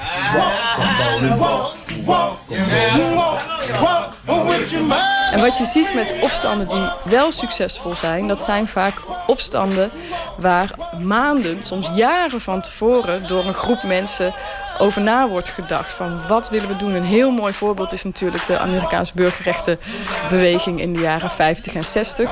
Mensen waren bereid om met gevaar voor eigen leven in opstand te komen. En niet een keer, maar jarenlang. En dat is niet iets wat je bereikt door één keer een hele effectieve oproep te doen. C'est la liberté de la Tunisie. Je peux, je peux pas m'exprimer parce que j'ai la tête qui tourne. Om een opstand te laten slagen is er een strategie nodig, onderlinge verbondenheid, intensieve deelname en een lange adem. De auteur vindt het moeilijk om een voorbeeld te geven van een geslaagd verzet uit deze tijd. Nou, ik vind hem moeilijk te vinden. Ik vind hem heel moeilijk te vinden, want er zijn zo ongelooflijk veel voorbeelden waarin je ziet dat het eigenlijk aan polarisatie ten onder gaat. Of het nou gaat over Occupy of de uh, Maidan-protesten, uh, de uh, studentenopstanden in Teheran, Black Lives Matter. Het zijn allemaal. Of wij zitten hier in je appartement, we zien de UVA hier. En ja, dan denk ik natuurlijk ja, aan ja, studenten. ja studentenopstand. Kijk, ik wil er ook niet te negatief over zijn. Want nu ga ik zeggen, het heeft allemaal niks uh, opgeleverd. Dat wil ik absoluut niet gezegd hebben. Ik denk dat al die opstanden, en zeker ook de Maagdenhuisopstanden... hebben in ieder geval een aantal dingen voor elkaar gekregen. Maar niet de echte structurele beoogde doelstellingen. Er zijn niet echt dingen uh, radicaal veranderd. Het is heel wat waar tegen wordt gedemonstreerd. Maar het is vooral de financiële industrie en alles wat daarmee te maken heeft waar het vanmiddag mee begon. De competitie en de commercie is het grote vergif van de samenleving. In het essay vertelt Eva ook dat er een gevaar schuilt in de opstandige mens. Volgens haar ligt er een dunne grens tussen verzet en een gewelddadige revolutie. Ze is het eens met Camus die in 1951 schrijft dat mensen hun waarden zodanig verdedigen dat deze uiteindelijk verstarren tot ideologieën. En dat mensen zo worden geïndoctrineerd dat ze denken vrijwillig mee te gaan in de heersende waarden. Eva zegt ook dat dit in de huidige tijd het geval is.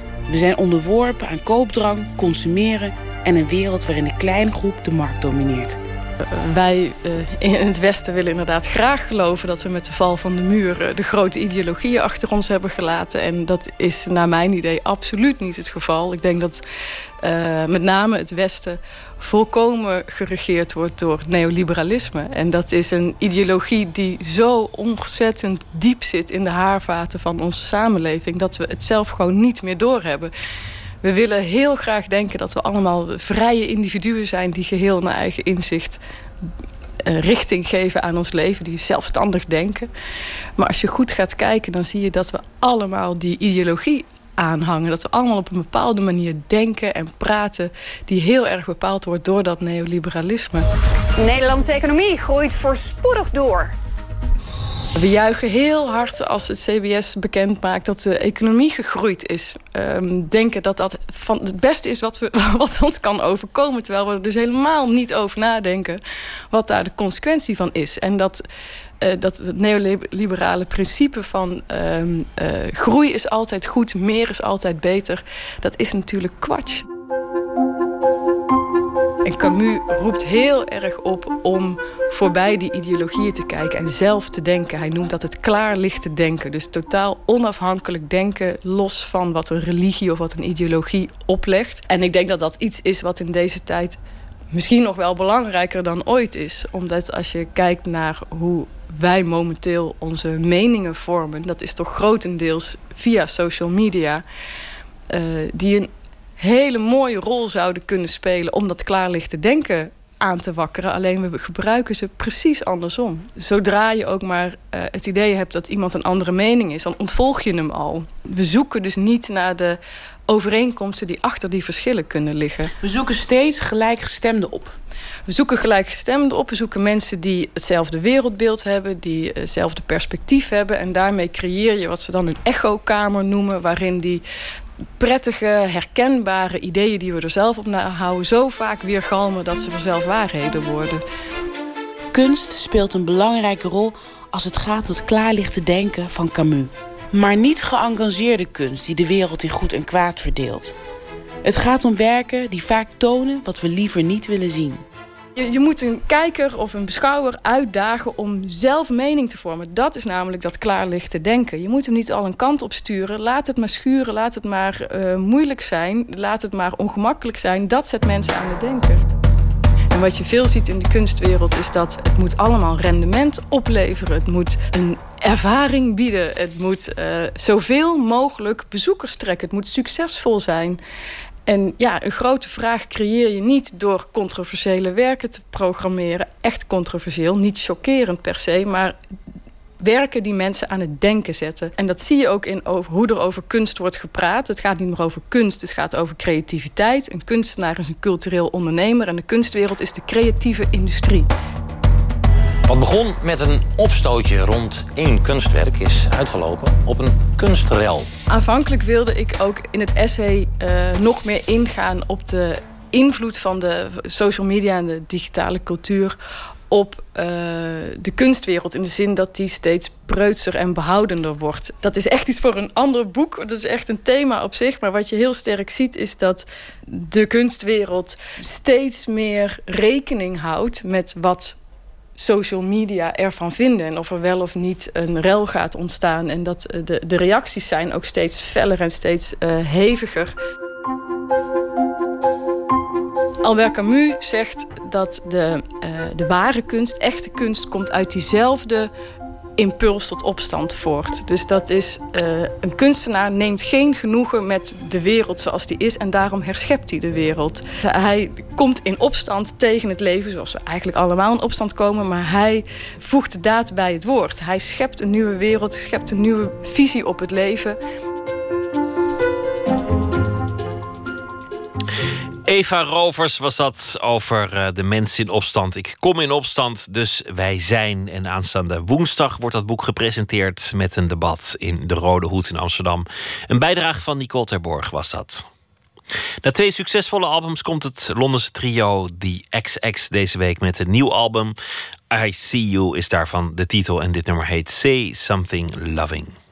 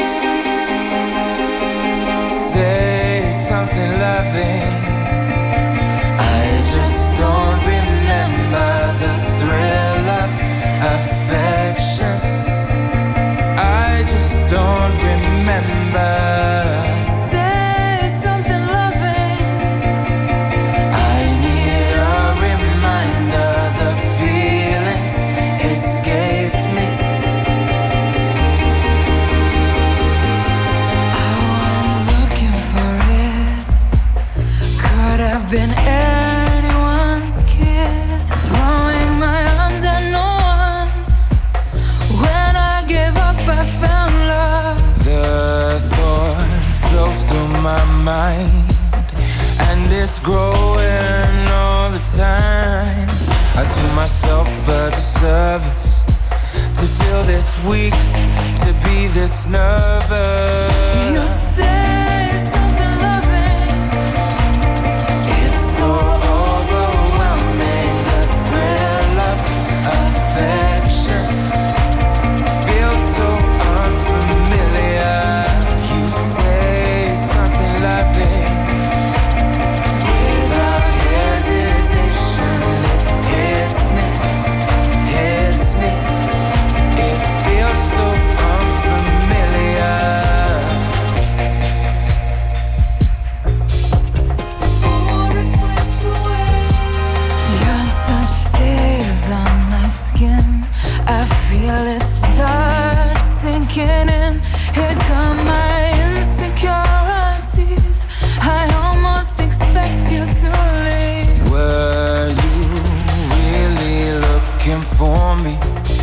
Try your best to reassure me.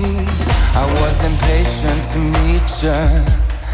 Am I too needy? Am I too eager? I don't know, I don't know, I don't know, I don't know what this is, but it doesn't feel wrong.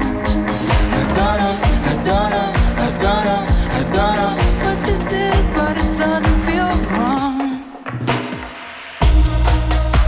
Did you hear me say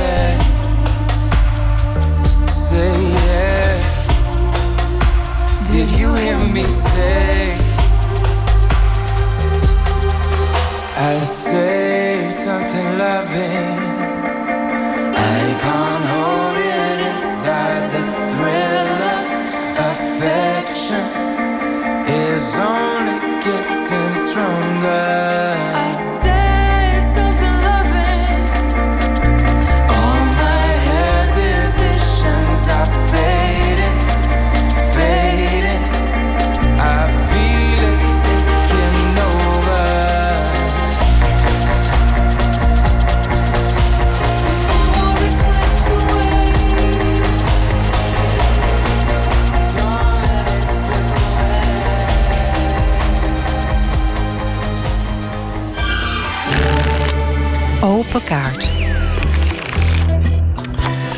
In de rubriek Open Kaart trekt de gast uh, kaarten uit een bak met 150 vragen over werk en leven.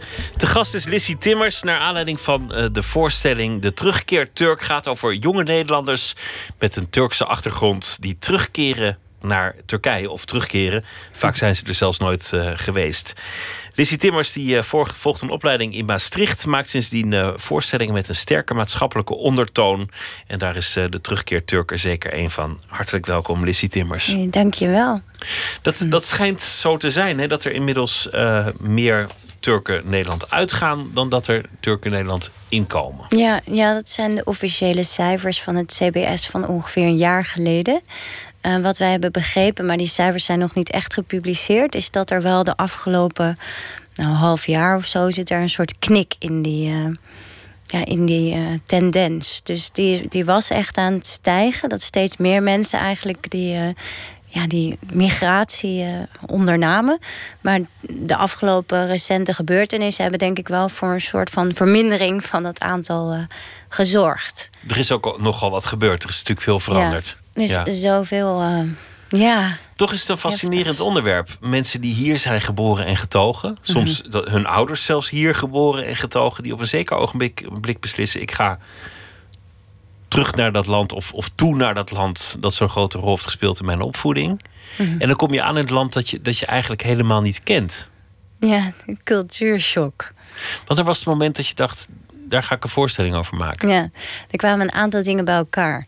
Ik had een gesprek met um, hele goede vrienden van mijn ouders. Die zijn allebei van Turkse afkomst en die wonen al 30 jaar in Nederland of zo. Echt de eerste generatie migranten.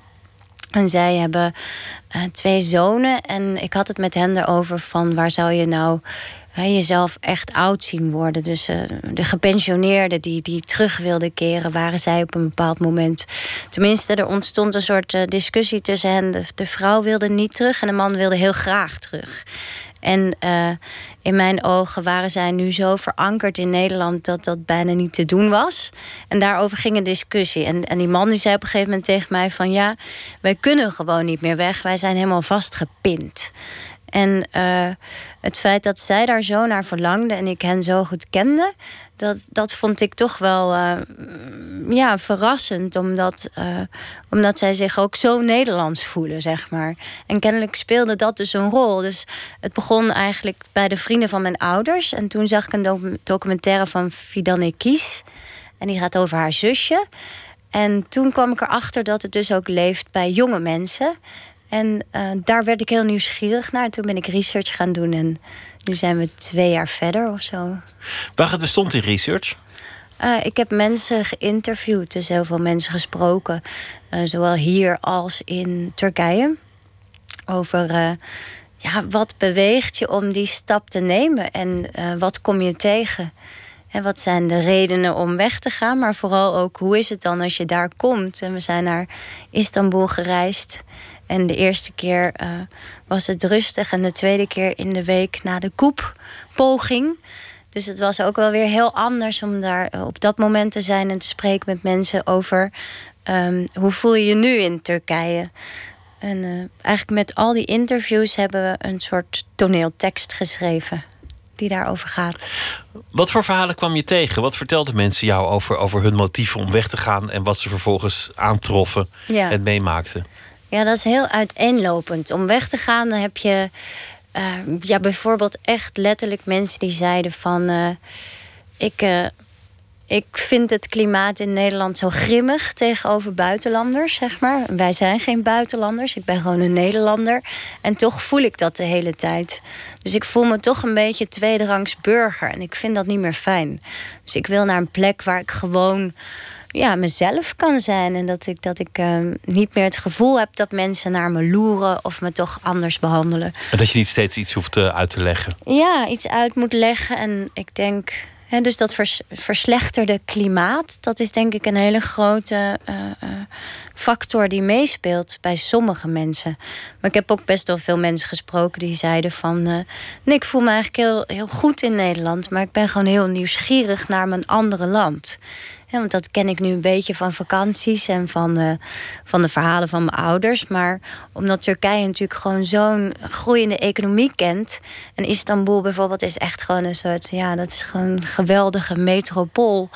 Waar je zo heerlijk op straat leeft. En dat trekt ook heel erg aan. Dus het is niet altijd een soort negativiteit waarvanuit mensen vertrekken. Maar het is ook echt die aantrekkingskracht van Turkije zelf. Waardoor mensen denken, nou, ik moet gewoon ook eens in mijn leven daar leven. Ja, ze spreken de taal, dat maakt het natuurlijk makkelijker om daarheen te gaan. Soms hebben ze familie die daar kan helpen. Ehm, Sommige mensen gaan, dat is ook geweldig, die gaan op een Nederlands callcenter werken als ze daar komen. Dus uh, je hebt in Istanbul bijvoorbeeld een heel groot bedrijf en daar werken heel veel uh, ja, Neder-Turken noemen ze dat dan. Hè? Mensen met Turkse roots die in Nederland geboren zijn. En die komen dan terecht in Istanbul en die zijn de hele dag Nederlands aan het praten. Dus die, die zitten op een callcenter Nederlands te praten. Dat vond ik heel geestig eigenlijk. En wat kwam je te weten over hoe het daar ging? Waar het, waar het vaak succesverhalen of leek het wel een aflevering van Ik Vertrek? ja. ja, dat wisselt ook. Dat is zo mooi. Het is heel uiteenlopende uh, verhalen heb kunnen verzamelen. Dat bij sommige mensen die. die uh, ja, die voelen zich gewoon erg thuis. En die hebben het gevoel van: jeetje, ja, dit is echt mijn plek. En uh, hier zie ik mijn toekomst en ik heb hoop voor Turkije. En ik, ja, ik, sommige mensen zijn verliefd geworden, getrouwd, hebben daar een kindje gekregen. Bijvoorbeeld een vrouw die ik ken. En andere mensen die zeggen. Uh, ah, ja, die hebben een soort, ook wel een soort internationale honger. Dus die zijn nog niet uitgereisd. Die zeiden dan van, nou, Turkije was tof, maar misschien ga ik naar New York hierna. Dus dat zijn een beetje soort nieuwe cosmopolieten eigenlijk. En dan heb je mensen die zeggen, het lukte echt totaal niet. Ik, uh, het is gewoon niet gelukt met werk. Of het was heel erg teleurstellend, want je moet vreselijk hard werken. Uh, vaak in die grote steden zoals Istanbul, dan heb je één dag vrij in de week. En je werkt echt heel vaak gewoon tot van ochtends heel vroeg tot tien uur s avonds. En dan zit je super lang in de file, want het is, net als Los Angeles, staat het echt ramvol aan het eind van de dag dan Istanbul. Maar ook in Ankara zijn die werktijden gewoon heel anders dan hier. Dus dat is een, een cultuurshock. Maar ook bijvoorbeeld details als gewoon het klimaat op de werkvloer. Uh, in sommige bedrijven moet je echt opstaan voor de baas als die binnenkomt. En dan voel je ineens heel Nederlands, vertelde ze mij dan. Best moeilijk om van zulke uiteenlopende verhalen een voorstelling te maken. Ja, ja, we hebben echt voor een soort mozaïek gekozen. Die als het goed is echt opstapelt uh, naar het gevoel van uh, uiteindelijk gaat die voorstelling, grappig genoeg, begint heel erg over die mensen die vertrekken, maar het eindigt heel erg over het gevoel waar wij nu in leven in Nederland. Dus het, het begint met een portret van al die mensen die die verhuizing overwegen of maken of en die verschillende uiteenlopende redenen. Maar uiteindelijk eindigen we met um, uh, ook een portret trouwens van een meisje dat heel gelukkig is in Istanbul. En uh, dat daar getrouwd is. Maar het verglijdt een beetje, omdat tussendoor kom je steeds met een personage in aanraking. Een soort presentatrice die de avond uh, ja, host, zeg maar. Presenteert. En zij krijgt steeds meer het gevoel van. Jeetje, hoe komen wij hier eigenlijk uit? En dat gaat heel erg over een soort Nederlands gevoel over uh, die bubbels waar we in terechtkomen. En het, het hele gesprek over loyaliteit en over hè, hoe je in een soort diverse samenleving toch met elkaar kan blijven praten als je allemaal zo anders denkt en zo anders bent en misschien wel door de toon van het debat erg uit elkaar wordt geslagen. Omdat je toch, hè, wat je zoveel tegenkomt ook als je en die research doet, is dat iedereen, um, ja, er zijn gewoon best wel grote uh, wrijvingen tussen de groepen. Ook natuurlijk in Turkije zelf, maar ook hier in Nederland extreem tussen ja, mensen onderling, bevolkingsgroepen ja, binnen dit huidige politieke klimaat. En de voorstelling gaat een beetje over. Ik had een soort uh, uh, jaren tachtig hoopvol idee over de multiculturele samenleving. Dat was toen echt nog een heel mooi woord. maar um, ja, hoe gaan we daar nu samen mee verder? dus, dus het gaat toch ook uiteindelijk over, over Nederland. Ja. Laten we de kaarten trekken. Doen ik wil je vragen om een kaart te, te, trekken. Ja, oh, ik ga in het midden kijken. Ik ga natuurlijk niet kijken wat erop staat nog. Deze. Wat is je sterkste eigenschap? oh, wat grappig. Ja, ik ehm, durf redelijk intuïtief te werk te gaan. Ik denk dat dat wel een kracht is. Ehm, ik maak met mijn acteurs altijd werk heel erg vanuit hun ehm, spel. Dus ik geef heel veel opdrachten en we improviseren heel veel rondom de inhoud.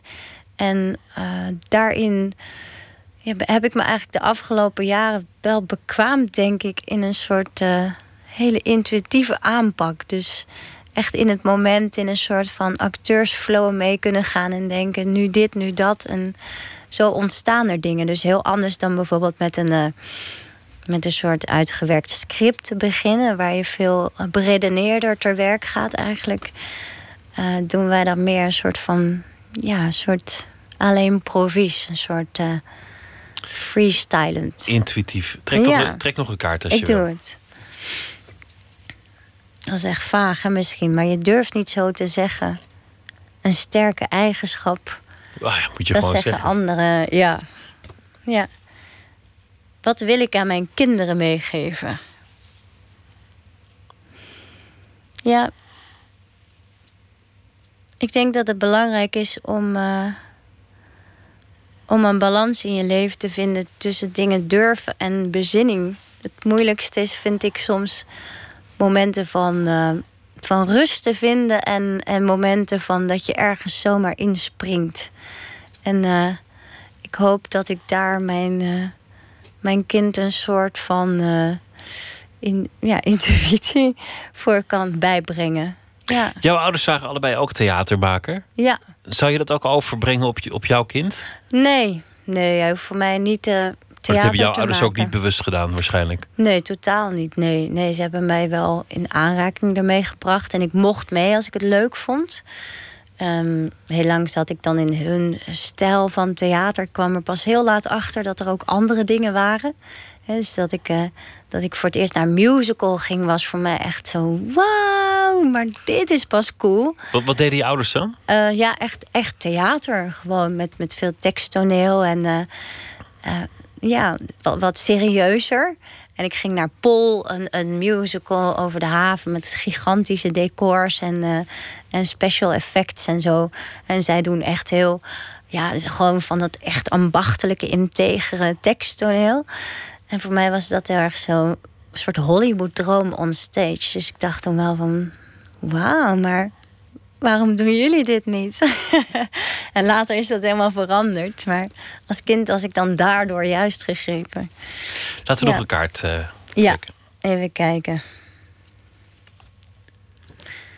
Wie moet er van de buis? Shit.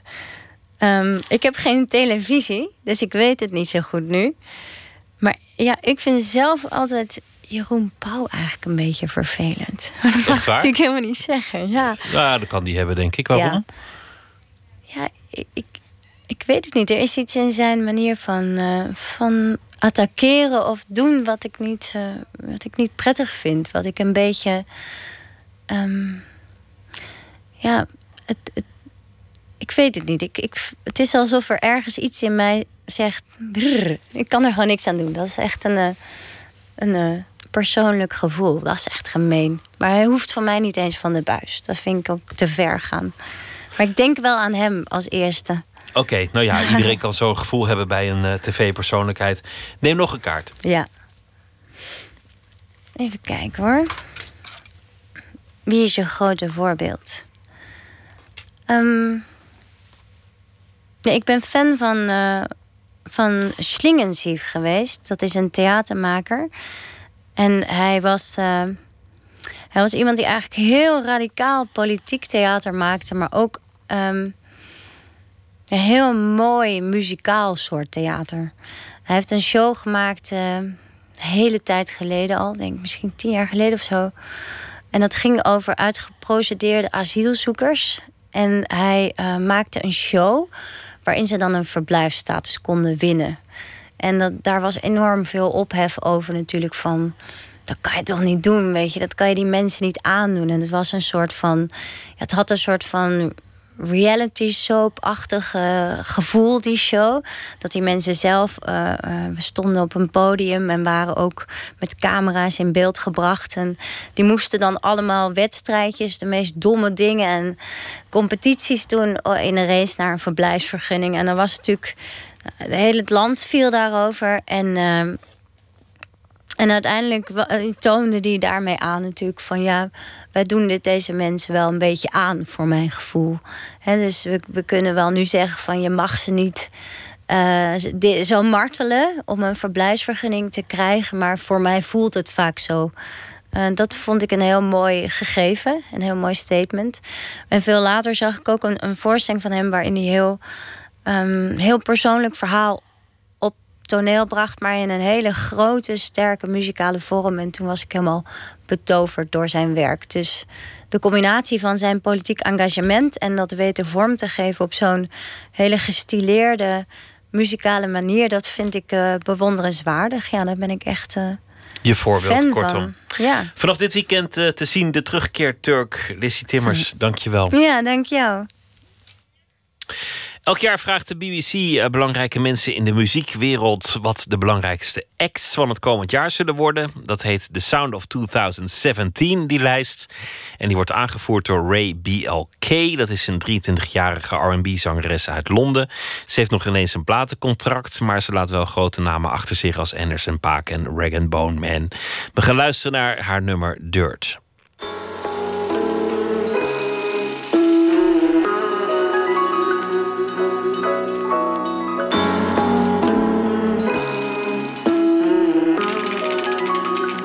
Friday night, my dress tight, you're surprised. You're doing you, I'm doing tight too. Hair part like Moses, smell like roses.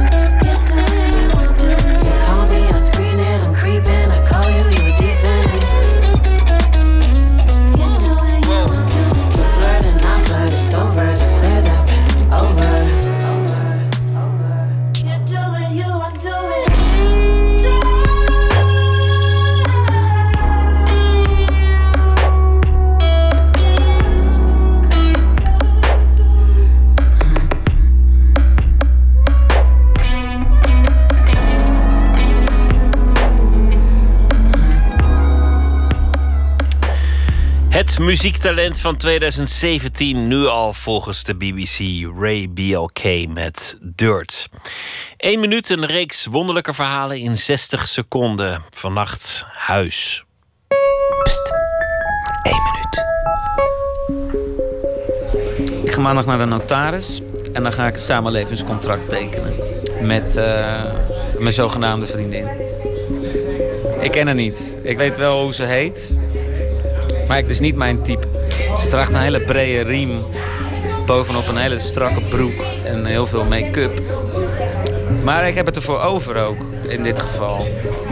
Omdat ik ontzettend gretig ben. Ik heb geen huis. Ik, ik kom niet aan een huis. Er is geen manier. Binnen een maand gaan we weer scheiden. Want zo'n samenlevingscontract dat, dat staat gelijk uh, aan een huwelijk. En dan uh, krijg ik het huis van zij de inboedel. Leuk huisje in Westerpark. 350 euro uh, schone huur. Maar ze wil gewoon een afkoopsom. Ze kan er geld mee verdienen. Ik moet eigenlijk wel even bellen ook. Gewoon. Misschien is het wel verstandig om even, even kennis te maken met elkaar. Voordat we gaan trouwen. ja.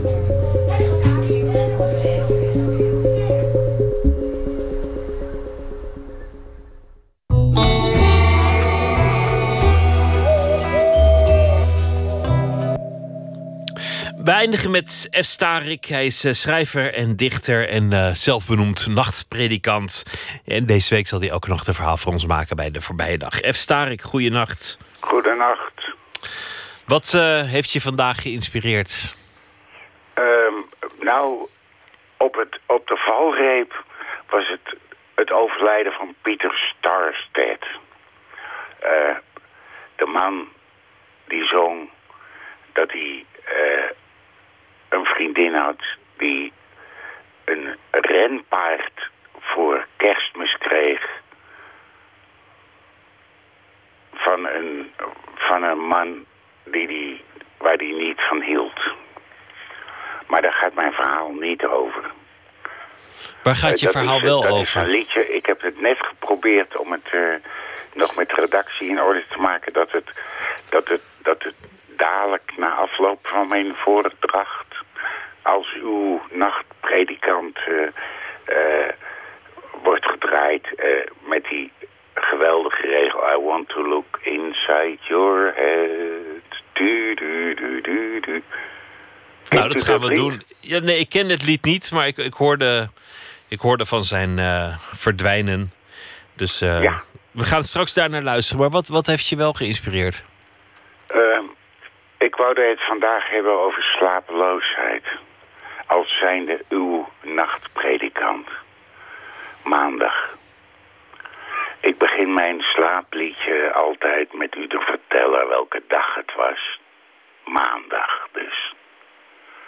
En dan is dinsdag al begonnen. En u bent nog wakker. En u luistert naar de radio. Wat houdt u wakker?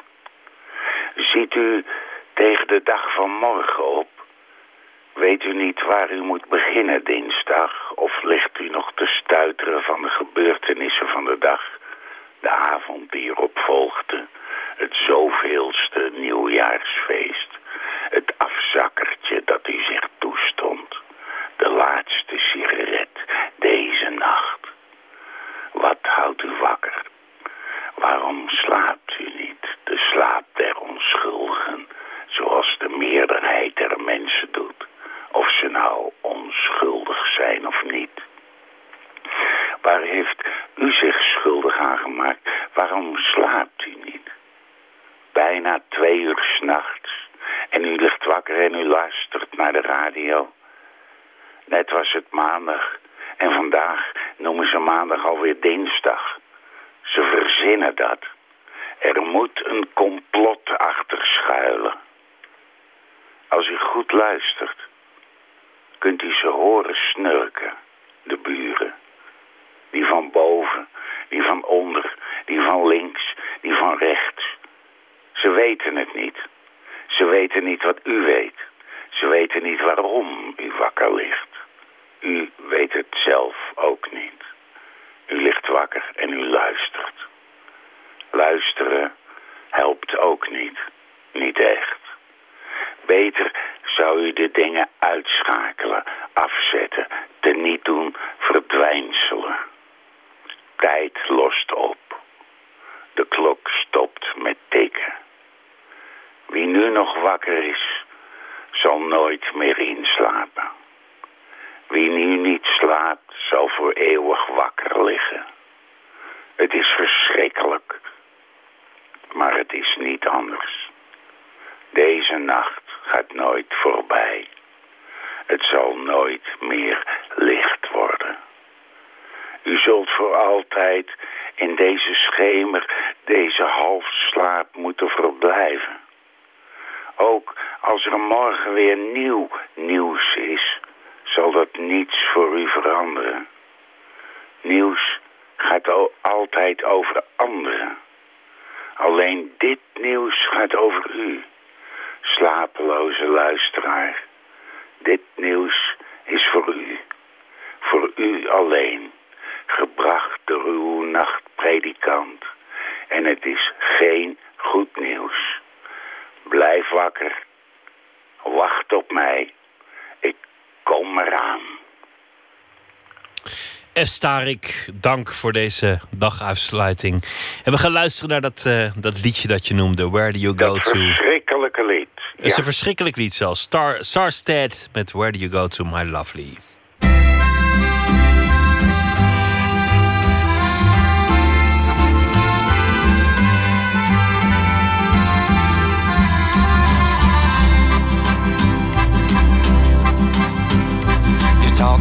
Like Marlene Dietrich, and you dance like Zizi Jeanmaire.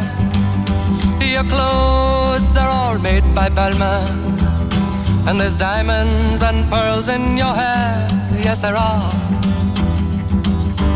You live in a fancy apartment off the boulevard Saint Michel, where you keep your Rolling Stones records and a friend of Sasha Distel. Yes, you do. But where do you go to, my lovely, when you're alone in your bed? Tell me the thoughts that surround you. I want to look inside your head, yes, I do. I've seen all your qualifications you got from the Sorbonne and the painting you stole from Picasso.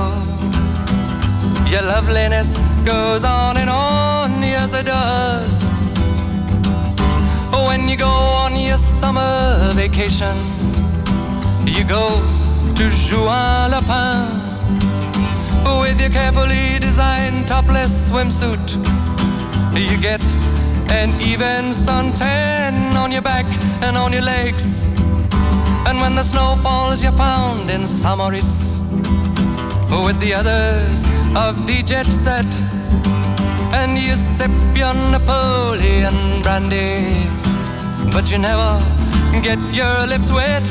No, you don't.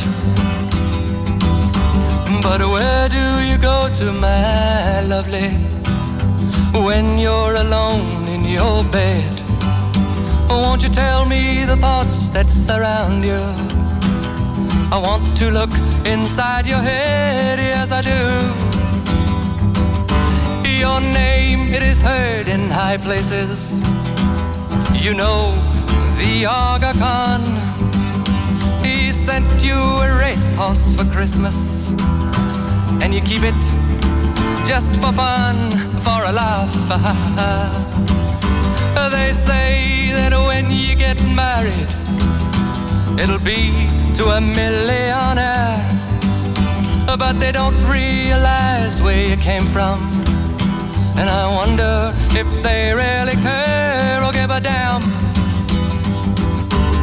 Where do you go to, my lovely, when you're alone in your bed? Tell me the thoughts that surround you. I want to look inside your head, yes, I do.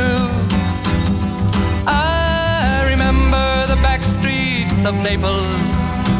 Two children begging in the rags, both touched with a burning ambition to shake off their lowly born takes. They try. So look into my face, Marie Claire, and remember just who you are. Then go and forget me forever. But I know you still bear the scar deep inside. Yes, you do. I know where you go to, my lovely, when you're alone in your bed. I know the thoughts that surround you, cause I can look inside your head.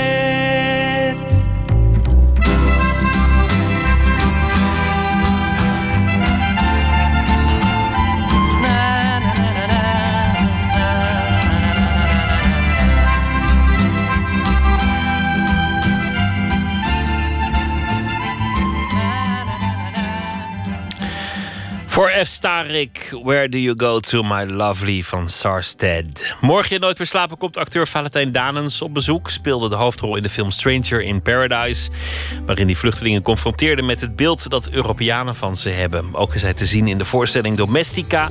Waarin hij aan de hand van ruziende koppels uit de kunstgeschiedenis op zoek gaat naar de kern van het echtelijk dispuut liet zich onder meer inspireren door klassiekers als Medea, maar ook door L.M. Peck uit de serie Married with Children. Dat uh, morgen in Nooit meer slapen en voor nu een hele goede nacht en graag weer tot morgen.